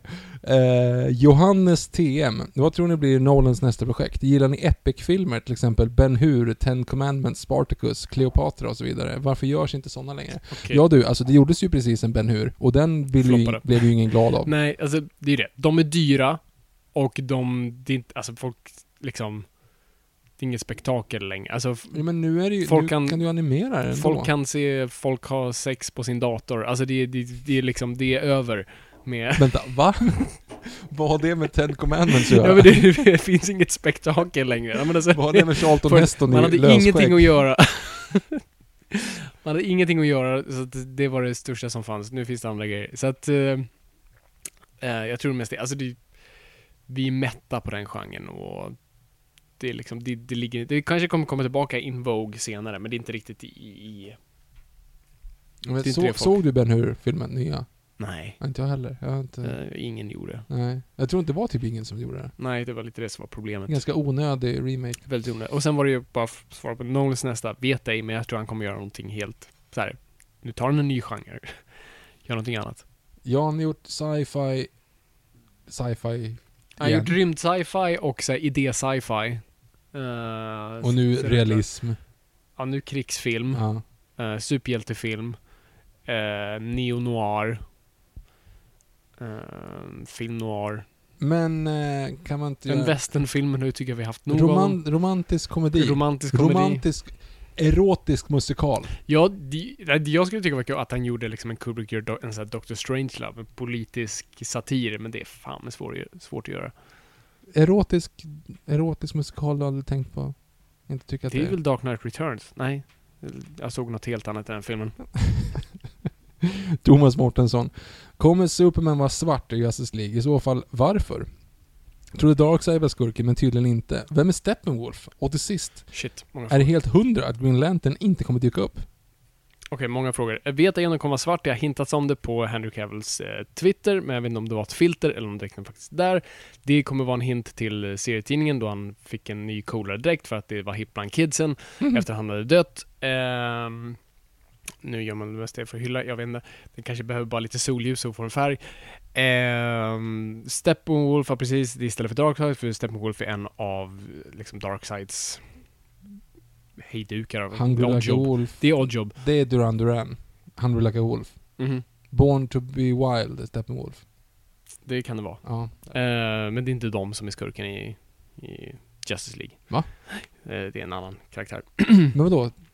Eh, läs en gång Dark Side War, där dyker Steppenwolf upp lite bara. Men det handlar, vadå? Men de måste väl slåss mot, jag har alltid sett att de slåss mot en av de där varsina håriga gubbarna liksom. Mm. De är ju ändå sex personer, de måste ju... Är Steppenwolf bara en person då? Ja, precis. Men det är ju inget kul. Jag trodde att de skulle slåss mot bandet Steppenwolf, för då hade de en var och Ja, liksom jo slåss precis. med. Nej, tyvärr, tyvärr. Sorry. Skit. Ja, jag vet. Var, var det något mer jag glömde där? Kommer han vara svart? Varför? Darkseid skurken. Vem är. Steppenwolf? Ja, just det. och- Är det hundra att inte Green Lantern? Han fortsätter också säga, kan inte släppa varför det står att man, att man släpper massa promobilder med Unite Seven, men de är Mm. bara sex stycken. Det är, ja, det är, alltså det, mm, det är en otroligt svår hemlighet att sitta på. Att, att det skulle dyka upp en Green Lantern som de har castat under wraps. Det kommer ge dem full cred om de lyckas göra det. Det Eh, går väl inte? Nej, det går, det är det, därför jag tror det kommer inte... Så i bästa fall ser man typ någonting grönt i slutet. Eller liksom att uh, Abin Surs skepp kraschar. Och eh, det är då Hal Jordan får ringa. Du vet, så att man, man gör en hint till att Green Lantern kommer komma men att vi har inte castat Hal Jordan än. Kan det inte vara någonting i, i stil med att eh, ehm, eh, Lois Lane ska lämna in Supermans dräkt sådär när, när han har dött och så, Ja. så säger hon som tar emot den och tänker så här. Ja, ah, Lois. Var, varför använder du inte ditt, eh, ditt eh, flicknamn? Vadå? Jordan? Och mitt mellannamn? Hal! Och så visar det sig att hon är Hal Jordan. Okej. Nej, inte den. Jag tänkte om, om du skulle twista Du har ju till den extra. Danvers i, i den här... Uh, det är väl Danvers? Vem? Som, som sen blir Silk Spectre. Ah, skitsamma. Vem? En annan Lantern. Sorry, glömde. Glömde vad jag sa. Jag är inte med. Eh. Johannes TM igen. Sakn jag saknar ett Nolan slash Kubrick slash Hitchcock avsnitt. Topp fem filmer från de personerna. Jag saknar också det. Och de topp fem får ni höra i de avsnitten. Ja, som det kommer komma. Vi lovar! Håll ut! Det är, så jä- det, är, det är helt galet egentligen hur vi fortfarande har massa avsnitt att beta av. Mm. Nej, det har det hållit på i det- två och ett halvt år. Det Liksom. tar ju liksom lång tid, alltså de, de, avsnitten tar ju nästan längst att beta av för att du måste faktiskt kolla om massa filmer. Så det tar Mm. ju väldigt lång film. Lång film. Jag kan inte prata. Nämn några regissörer som kommer slash har tagit över stafettpinnen efter 70-talsgenerationen med Spielberg, Scorsese, Coppola, Lucas, Ridley Scott och de andra, de där försvinner. Uh, fan vad mycket frågor det är. Ja, den. Vilka tror du har kommit över? Nolan? Nolan ser jag ju mer som så Kubrick. Åt Kubrick-hållet. Samma sak med Paul Thomas Anderson. Det är inte riktigt i Scorsese-bagen. Matthew Vaughn. Nej, inte riktigt det heller. Jag vet inte. Är det så här Denis Villeneuve? Kanske. Uh...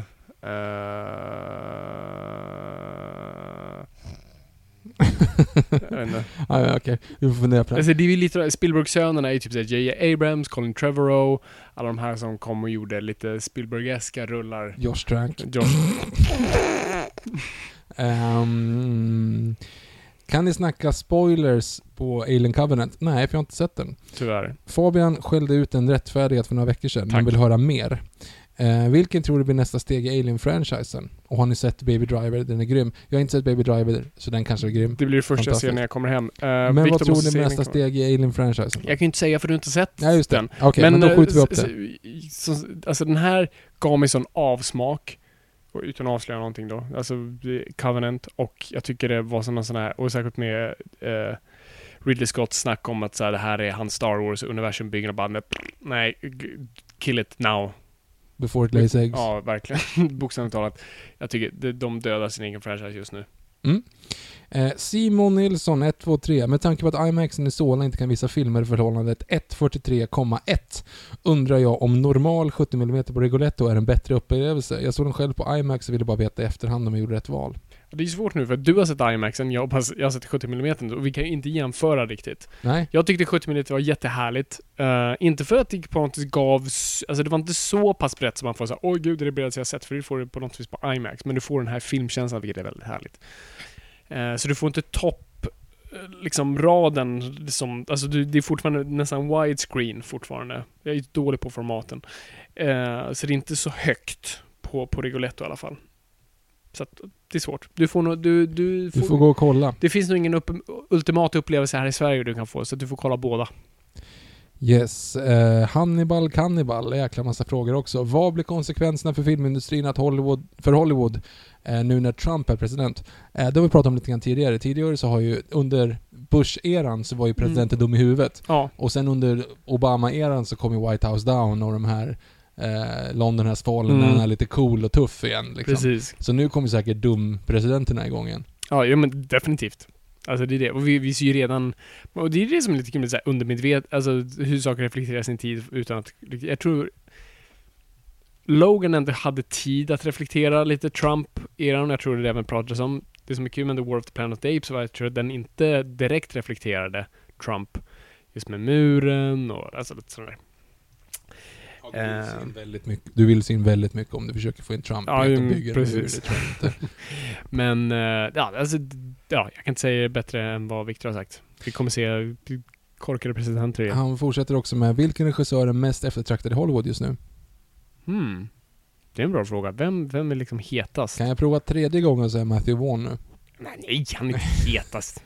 Men är, alltså jag tror Denis Villeneuve, han, han, han, jag ser honom på så här kortlistor på varenda franchise nu. Alla verkar vilja ha honom på saker och ting. Så jag tror han är rätt het.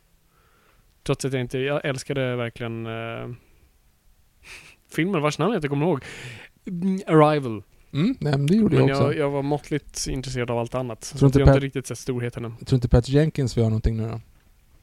Det är en bra fråga. Alltså, jag, jag tror på något vis, alltså, hon, hon verkar vara så mycket i, i Wonder Woman-land. Så att, absolut, det kommer väl hända, men jag tror, jag tror Hollywood fortfarande ser henne lite som tv-regissör. Tyvärr. Så jag tror hon har lite så här tv-smuts på sig. Vi ser. Hannibal Cannibal fortsätter här nu med den eh, 34 frågan. Har ni framtida planer på att de är Filip och Fredrik i er podcast? De blev ju klara nyss med inspelningen av en spelfilm som heter Tårtgeneralen som ska premiär vid jul. Nej. Jag säger så här, den kommer konkurrera med en annan film som vi har ganska bra ingångar i, i jul. Ja, just det. I och med att, troligen. Ja, Ja, vi lämnar det där. vi, vi, lämnar det där. Ja, Men ni kanske inte har tänkt på det. har inte, vem har inte tänkt på det? Lyssnarna, det var en hint. Det var en teaser där. Du jag tänkte inte inte på den. Ja, Okej. Jag tänkte på en annan som han har väldigt mycket ingångar i. Jaha! bra, bra promota Fabian. Bra där. Jag måste bli bättre på det där. Leif GW Platon. Eh, Johannes understreck TM igen. Varför tror ni att War har floppat på Box Office mer än den olyckliga konkurrensen? Det vill säga, finns det några fler saker än att den släpptes samtidigt som massa andra saker? Tror ni att det blir den sista serien tack vare det? Jag tror det är många grejer som kommer göra den sista i serien. Alltså, alla de här, alltså, alla Apes-filmer har inte varit några så här. Det är ingen superfranchise. Den, de går inte över 500 miljoner. Nej, Eh, så de- de, de, tar, de tar hem sina pengar och liksom sådär, så det är, inga, det är inga floppar men de Sådär, de, de genererar ingen större buzz och det är ingen så här, så folk verkligen bara hungrar efter nästa. det, är också, sv- det är också svårt att göra Titanic 2 när båten sjunker så att säga. Det är lite samma sak i den Jo, det här. är lite samma sak där. Fast du kan göra fortfarande Planet of the Apes, det är inget problem. Men ja, nej men jag tror, ja, jag tror intresset har lagt sig lite. Och jag tror här, den här filmen såg för lik ut den förra. Det var ingenting som såg så här nytt ut med den här. Så, Jag tyckte inte den förra var speciellt kul heller. nej, jag vet inte vad det är Eh, med oss. Ja, ja. Eh, Boopidoopidoop kollade Mojo och kollade på Tom Cruise The Mummy med en budget på 125 miljoner. Så drog den in 400. Varför säger alla att det är en flopp? Okej, den drog in lite i USA, men bolaget kan ni ha beräknat mer. Men vad fan? Ja men det är lite som Batman vs Superman som såg också, eh, sågs lite som en flopp när den drog in 800 miljoner men den drog inte in de pengarna den skulle dra in. Och det, alltså man, man hade beräknat ett visst slags intresse. Här bygger vi ett universum, nu ska vi kunna ställa allt på axlarna av Tom Cruise och så går det inte så bra som man har tänkt det. Och framförallt den floppar i hemlandet, alltså det är, det är ju alltid tråkigt. Det ju, ser vi ju samma sak med Warcraft. Warcraft gick jättebra i Kina, men vi ser ju inte buzzen till att den ska ändå få en uppföljare. Det är fortfarande oklart. Jag tycker att de borde göra det. Jag tycker också det. Så att, eh, jag tror det är mer det. Den drog hem sina pengar och de, de kan liksom, Universal kan bara på något torka pannan. Men eh, de, de, det kommer bli svårt att bygga ett universum på en film som alla bara höll för näsan på. Nils i Nils 84. Vad tror ni om ryktet att Ben Affleck kommer lägga av som Batman? Och är så fallet, vad kommer då att hända med DCEU? Eh, han dementerade ryktena på Comic Con, men vad ska han göra? Eh, jag tror, i och med att de gick ut med att de ska göra Flashpoint till Flash-filmen, Ska de göra det? Yes. Är det det de ska göra? Den heter Flashpoint, det är bara det vi vet. Va? Så att det är ju en perfekt Men moment att kasta om honom. Jag, jag, jag ska inte säga hundra men jag är ganska säker. Men då kommer de ju för du sätta... kan göra precis, för det så gjorde de i New 52. Du hade Flashpoint och så kom New 52 där Batman var yngre. Liksom, och du kunde då så här, kasta... Men då kommer de ju sätta... Åh, han med mustaschen. Ja, Jeffrey Dean Morgan Ja, kommer han vara kommer vara Batman. Batman. Alltså, såklart han kommer vara. Fy fan vad coolt. Det, det kommer vara ascoolt. Ja, jag, är, jag är taggad. Det är, det är dock svårt att bygga en första Flash-film på det. Det känns som så att det här, det här skulle vara den perfekta tvåan till en första Flash-film. Så att eh, du, du startar lite du åt fel kom- håll. Att, Ja men fast egentligen inte för du kommer ju bygga Flash i Justice League. Jo, jo, absolut. Men han är ju fortfarande bara en delspelare. Det, det kan funka, jag säger inte att han inte gör det, men det, det, det är lite synd att man kastar det. För det är också, den här filmen kommer användas som en, liksom, en disktrasa. lite så att städa upp eh, universumet. Men blir det en ny... Alltså du menar att Batman kommer vara så här 17, cool, åka, åka skateboard Man och kastar jojo? om till en yngre och säger att det här är samma Batman, bara en yngre. Kanske. Kanske. Ja, undrar vad Army Hammer och eh, Henry Cavill gör då, så kanske någon av dem... Henry Cavill? Nej, Men det var inte han som var påtänkt? Henry Cavill? Var inte han med i påtänkt då? Nej. Det hade varit... Ja, Okej, det var roligare om det var Henry Cavill, jag får inte bara vara Army Hammer. Mm. Skitsamma. Jag har sagt vem jag vill ha, som jag nu glömmer bort. Han som gillar påsar som dansar. Glömmer alltid bort vad han heter. Är inte han typ 38 nu? Åh, oh, han är börjar bli lite till åren. Alltså, du ska Men- väl ha någon som är typ Tom Holland? Nej, lite för ung kanske. Men jag tror en 30, 30 någonting är nog ganska fördelaktigt. Mm. Kan inte ha en för ung Batman. Mm, kanske inte. Ehm, men jag gillar dock inte riktigt att man kommer då radera ut hela tidslinjen. Ja, jag vet. Det är, men det, det, det, det, var, det är som att det här var dödfött från början. Vadå? What to do? vadå, Att casta Ben Affleck? Nej, eller? men jag tror... Jag var alltid av åsikten av att jättebra casting med Affleck, jag står 100% bakom det, men han är för gammal. Mm. Det kommer, och särskilt som det nu har hänt att man skjuter upp den här Batman-filmen, alltså han kommer vara 50 snart. Det kommer bli svårt för honom att ha, alltså han har ju inte den grundfysiken. Alltså han, han var ju inte en fit person innan. Utan han var ju tvungen att träna typ för första gången eller i alla fall, alltså de andra filmerna har i bästa fall gjort lite armhävningar men Mm. nu var han verkligen tvungen att beefa upp sig och det är svårt i den åldern så att... eh, Mm. Jag tror han, alltså, han känns ju lite trött. Men det är ju bara projiceringar. Mm. Dagusson, D. Augustsson. Jag blir inte klok på slut. Jag väntar lite här nu. Den här är en spoiler på Dunkirk, så den väntar jag med till sist. Det är ju Eh, redan beyond spoilers. Alltså, Jo, jag vet, men om det är någon som bara lyssnar på frågorna Ja, okej. så kan man ju faktiskt göra så. Eh, vi väntar med lite grann med den. Vi går istället på, oj Simon Sved också lite eh, hashtag segelflyg. Hur länge kan ett plan segla horisontellt utan fungerande motor? Bara frågan. Vet du något om det? Hashtag segelflyg. Nej tyvärr, jag har lite dålig koll måste jag säga. Okej. Eh, vi gör så här då. Har du kommit på någon trilogi som är bättre än Toy Story än? Nej. Alltså det är ju så här, det skulle vara Dark Knight-trilogin men den är inte... Alltså det jag säger, sätter de två bredvid varandra. Dark Knight Rises och eh, Toy Story 3 är ju... Alltså, Toy Story 3 är ju bättre. Ja det är den, absolut. Mm. Men det är fortfarande en så här bra trilogi. Inte en perfekt men en av Mm. de bättre. Mm. Eh, två frågor. Eh, Lord Lucas 95. Två frågor gällande DCEU. Eftersom Matt Reeves har bekräftat att The Batman kommer fokusera på Batmans detektivkunskaper. Vad kan ses som... Eh, va? Detektivkunskaper? Ah, ja. Vad sägs om Hush, skurken spelad av Casey Affleck? Och vem vill ni ska spela Reverse Flash? PS, håller med Fabian om uh, Shawshank Redemption. Tack. Ehm, oj, det var mycket frågor där nu. Så, är det två? så vem vi... Alltså, Vad tror vi om Hush? Eftersom det ska vara Mm. s- fokusera på Hush är ett smart drag för du kan då öppna upp hela Batman-universumet, vilket vi inte riktigt har gjort än. Vilka finns, vilka finns inte, hur många han slåss mot. Här får vi in alla, men det är lite tjockt. Casey Affleck som Hush, jag vet inte varför du skulle kasta brorsan för. Jag ser inte riktigt Hush också som... Jo, det är det ju. Växte upp ihop. Ja, men de är inte bröder. Nej, jag vet, Blod. men ändå lite Nej, det är de är ju väldigt lika Och varandra. Hush... Nej, jag vet inte, jag ser inte Casey Affleck som det. Men eh, det är intressant val. Som, han skulle kunna vara reverse flash. Mm. Ja, då fick du ju samma svar på två frågor. Han är lite mer sneaky. Emil med 25. Vad tyckte ni om Spider-Man Homecoming? Själv är jag skeptisk till att hans Iron Man Junior-dräkt som kalkylerar kommer upp med lösningar och hjälper honom med allting. En annan sak är att det aldrig känns som att han dras med att vara Spider-Man och att han inte eftersom han Eh, och inte heller eftersom han verkar hungrig efter att vara hjälte och gå med i Avengers. Va, vänta där, nu läste jag fel. En annan sak är att det aldrig känns som att han dras mellan att vara Spiderman eller inte eftersom han verkar hungrig efter att vara hjälte och gå med i The Avengers. Det är en intressant poäng. Det drog inte, vi pratade ju om det. Jag tyckte dock att slitningen ändå fanns där. Inte 100% men att den, det fanns potential för den. Eh, om inte Ant-Man idag förstör skiten. Men, eh, men just det, det är sant att han ver- verkligen vill vara hjälte. Men jag tycker inte det... Det är alltså, bra. det är fort, nej, jag håller med. Alltså, jag tycker fortfarande det funkar. Så det är inget problem egentligen. Eh, och så, ja, ja, som jag drog upp för dig, jag höll med om eh, dräkten. Den är för high tech. Nico understreck, understreck J88. Tja grabbar! Inte för att ta någonting Hej. från Patty Jenkins ära som gjorde ett fantastiskt jobb med Wonder Woman, men tror ni att den filmens framgång, som är DCUs första, första kritiska succé, delvis berodde på att det här var först nu som Jeff Johns hade tillträtt helt i sin roll som DCs filmöverhuvud? Eh, blir han DCs Kevin Feige? Har ni för övrigt sett trailern till Spielbergs kommande Ready Play One? Hur taggade är ni i så fall? För det tycks vara en populär kulturell nostalgibomb. Okej, vi börjar från början. Nej, jag tror Jeff Johns hade väldigt... Alltså jag tror att han var med tydligen i manusarbetet, så absolut, han har ett finger i det.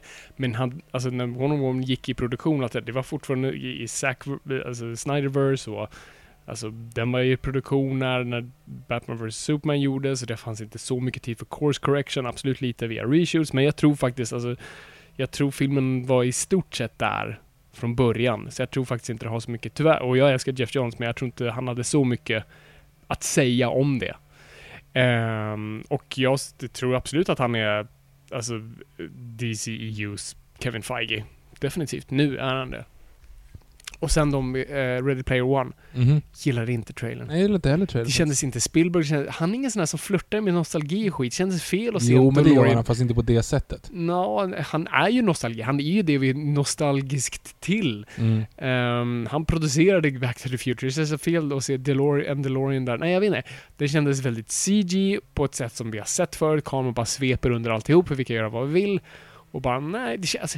Spielberg känns lite gammal. Jag tycker så här, håll dig nu till dina gamla historiska epics, för det verkar vara det du har landat och är bra på nu. Du gjorde dina stora blockbusters, CG-fests bra, men jag tror det är över. Håll, gör, älskade Lincoln, så bara gör de där Mm. grejerna. Mm. Och Bridge of Spies. Du är gammal. Eh, Johan, nu går vi över på Dunkirk spoiler moment här nu. Det är bara Okej. två frågor kvar och de två spoilar Dunkirk. Så har ni inte lyssnat på hela avsnittet och bara lyssnat på frågestunden, stäng av nu. Eh, Johannes TM, vad tycker ni av Dunkirks manus? Att Nolan knappt satsar någonting på karaktärsuppbyggnad med deras bakgrund med mera. Eh, med inget klassiskt lägereldsnack som det brukar vara i krigsfilmer och sådana saker.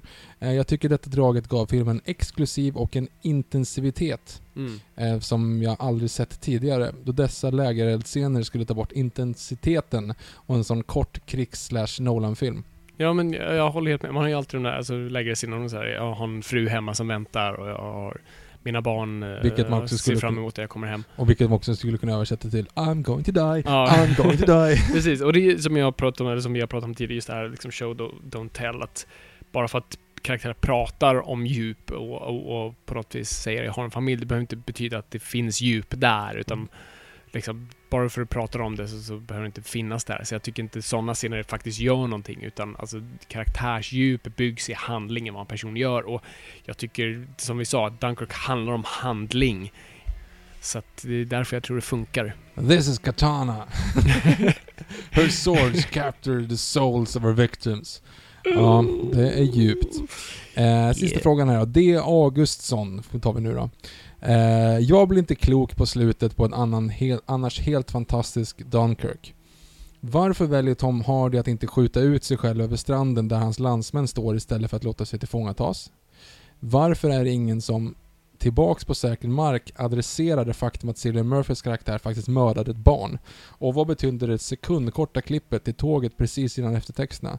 Har Nolan ett underliggande behov av att låta sina filmer sluta Inception-ovisshet, eller vad är det jag missat?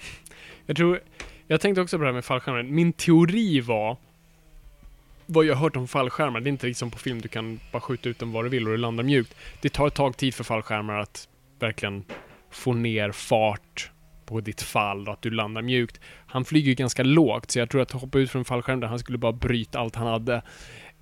Um, och det, det var dåliga odds på det, så det var bara bättre att landa. Det är det jag tror. ingen aning. Jag är ingen expert på... Vi, vi provar på det. Vi provar på det. Eh, vad var det mer? Det var... Det var varför de inte... Han dödade ett barn. Mm. Ja, men det sa vi tidigare. Det är Mm. ju en uppoffringen som, som Rylans son gör. Att säga. Det, för han var ju skadad. Han var ju posttraumatisk Mm. stress. Alltså han kan inte stå till svars för den där handlingen. Det skulle bara förstöra honom i resten av sitt liv. Mm. Därför är det bättre, den uppoffringen som den sonen som inte kommer ihåg vad han heter nu gör, är ju att Nej men det är bättre. Bättre Mm. för alla om du inte vet om det där liksom. Precis. Eh, och sen den sista var väl... Eh, Ja, sista grejen. Den kommer inte ens jag ihåg. Så att Ja, det, sista, det är ju verkligen att typ, antingen om man så här, han äter någonting eller suckar någonting sånt där mm. och så, så klipper det så här. Det är, är ju en jättekort grej. Jag hörde en intervju med Nolan som var en av de här så här "Åh, du lät gammal där. Ehm, han pratar om så här, jo men vi ville så här, vi vill att det här skulle kännas som en prequel till andra världskriget, att så här, det, alla är ju så vana nu vid så här franchisebyggande och att liksom den ena filmen leder till den andra och vi ville tappa in tap into that energy, tyckte jag han sa. Mhm. Och det är lite så, här, jaha, så vi skulle så här, vi ska ha en Marvel-esk ehm, eh, uppbyggnad till vad som komma skall. Inte att han ska göra en uppföljare, men så här. Är inte över än. Okej, ja, ja, konstigt. Thanos som ler. Alltså det, jag tyckte det är så här, oh du lät gammal där. Vad tyckte vi förresten med eftertexterna på Homecoming? Mm, varken bu eller bä. Uh, Ja. Ramones va? Nej, alltså post-event eller Ja, post-credit. ja. Eh, alltså, ja vi teasar Scorpion. Eh, vi vet att han vet vem han är. Eh, kul med Captain America. Den var, den, eller hur? Den den var var lite mysig. Ehm, För det var inget mer efter det va? nej, nej. Nej. Inget mer. Så att, eh, nej men det var väl okej. Alltså, det... Mm, nej, det var, det, var, det, var, det var intressant. Eller det var inget sätt, det var inte de bästa post-credit jag sett tror jag. Nej, så är det. Ja, ja, men då var det klart. Det, vi är klara! Ja. Jesus, det, har varit lång, det var en lång en. Japp. Om Hashtag ursäkt. Trippelrecensionspodden. Yes. ehm, vi återkommer igen om, om ett par veckor. Eh, vi håller Om fortfarande i- två veckor. Det är ett par veckor, två veckor. Ja. Vad menar du? Ja. Var, var du tvungen att rätta mig nu? Men det var två veckor. Det Ja. lät som ett par veckor. Alltså ungefär som såhär, ja, vi kommer någon gång om några veckor Jaha, liksom. okej. Mm, ja, Nej, om två, om två veckor. Om två veckor kommer vi tillbaka. Torsdag om två veckor. Yes. Och då är det eventuellt vår festivalavsnitt vi, vi ja, släpper. det blir det väl om vi inte släpper den extra. Vi får se hur vi, Vi gör får se. med det där. Vi får se lite vart vi befinner oss i, i, i, i världen. Eh, men det kommer absolut någonting nästa torsdag oavsett vad. Och om tekniken funkar så kommer ni såklart få höra när det nu än blir från då vi satt i en bur. Vi har ju lyckats fucka upp tekniken. Två Vi har ju livepoddar. ingen bra track record när det kommer Nej. till livepoddar. Så att, eh, don't hold us to it. Men vi försöker. Eh, ja, annars är det samma vanliga. Hör av på hashtag Noipod. Kom till uh, Way Out West heter det inte. Jo, Jo, ja, just Way det. Out West. Och high five och få en tröja om du är tidigt ute nog. Um, Så är det. hashtag Noipod, allt det där. Rate oss på iTunes, hjälper alltid. Du, ingen har gjort det på ett år så att jag tror Nej, att men då är det dags att folk kan göra det igen. Jo Ja. men det är bra, för det är bra i listorna och sånt där. Så Ja, det, men så. det, det, det, det, det, det är bra att stödja podden. Vi begär inte pengar, men vi begär er uppmärksamhet. Ja, Ehm, så det är det. så är det. Jag tror vi har allt. Oh yeah. Uh, ja. Puss och godnatt på er. Eh, vi bommar igen det här. Tack så mycket för att ni har lyssnat. Det är kul att vara lyssnare. Kom ihåg folk, ingenting är för nördigt.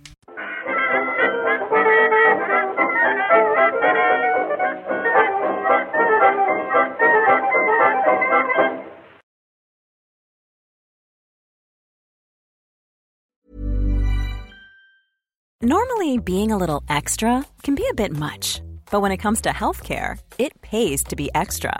And United Healthcare makes it easy with Health Protector Guard fixed indemnity insurance plans. Underwritten by Golden Rule Insurance Company, they supplement your primary plan, helping you manage out of pocket costs without the usual requirements and restrictions like deductibles and enrollment periods. So when it comes to covering your medical bills, you can feel good about being a little extra. Visit uh1.com to find the Health Protector Guard plan for you. Mom deserves the best, and there's no better place to shop for Mother's Day than Whole Foods Market. They're your destination for unbeatable savings, from premium gifts to show-stopping flowers and irresistible desserts. Start by saving 33% with Prime on all body care and candles. Then get a 15-stem bunch of tulips for just $9.99 each with Prime. Round out Mom's menu with festive rosé, irresistible berry chantilly cake, and more special treats. Come celebrate Mother's Day at Whole Foods Market.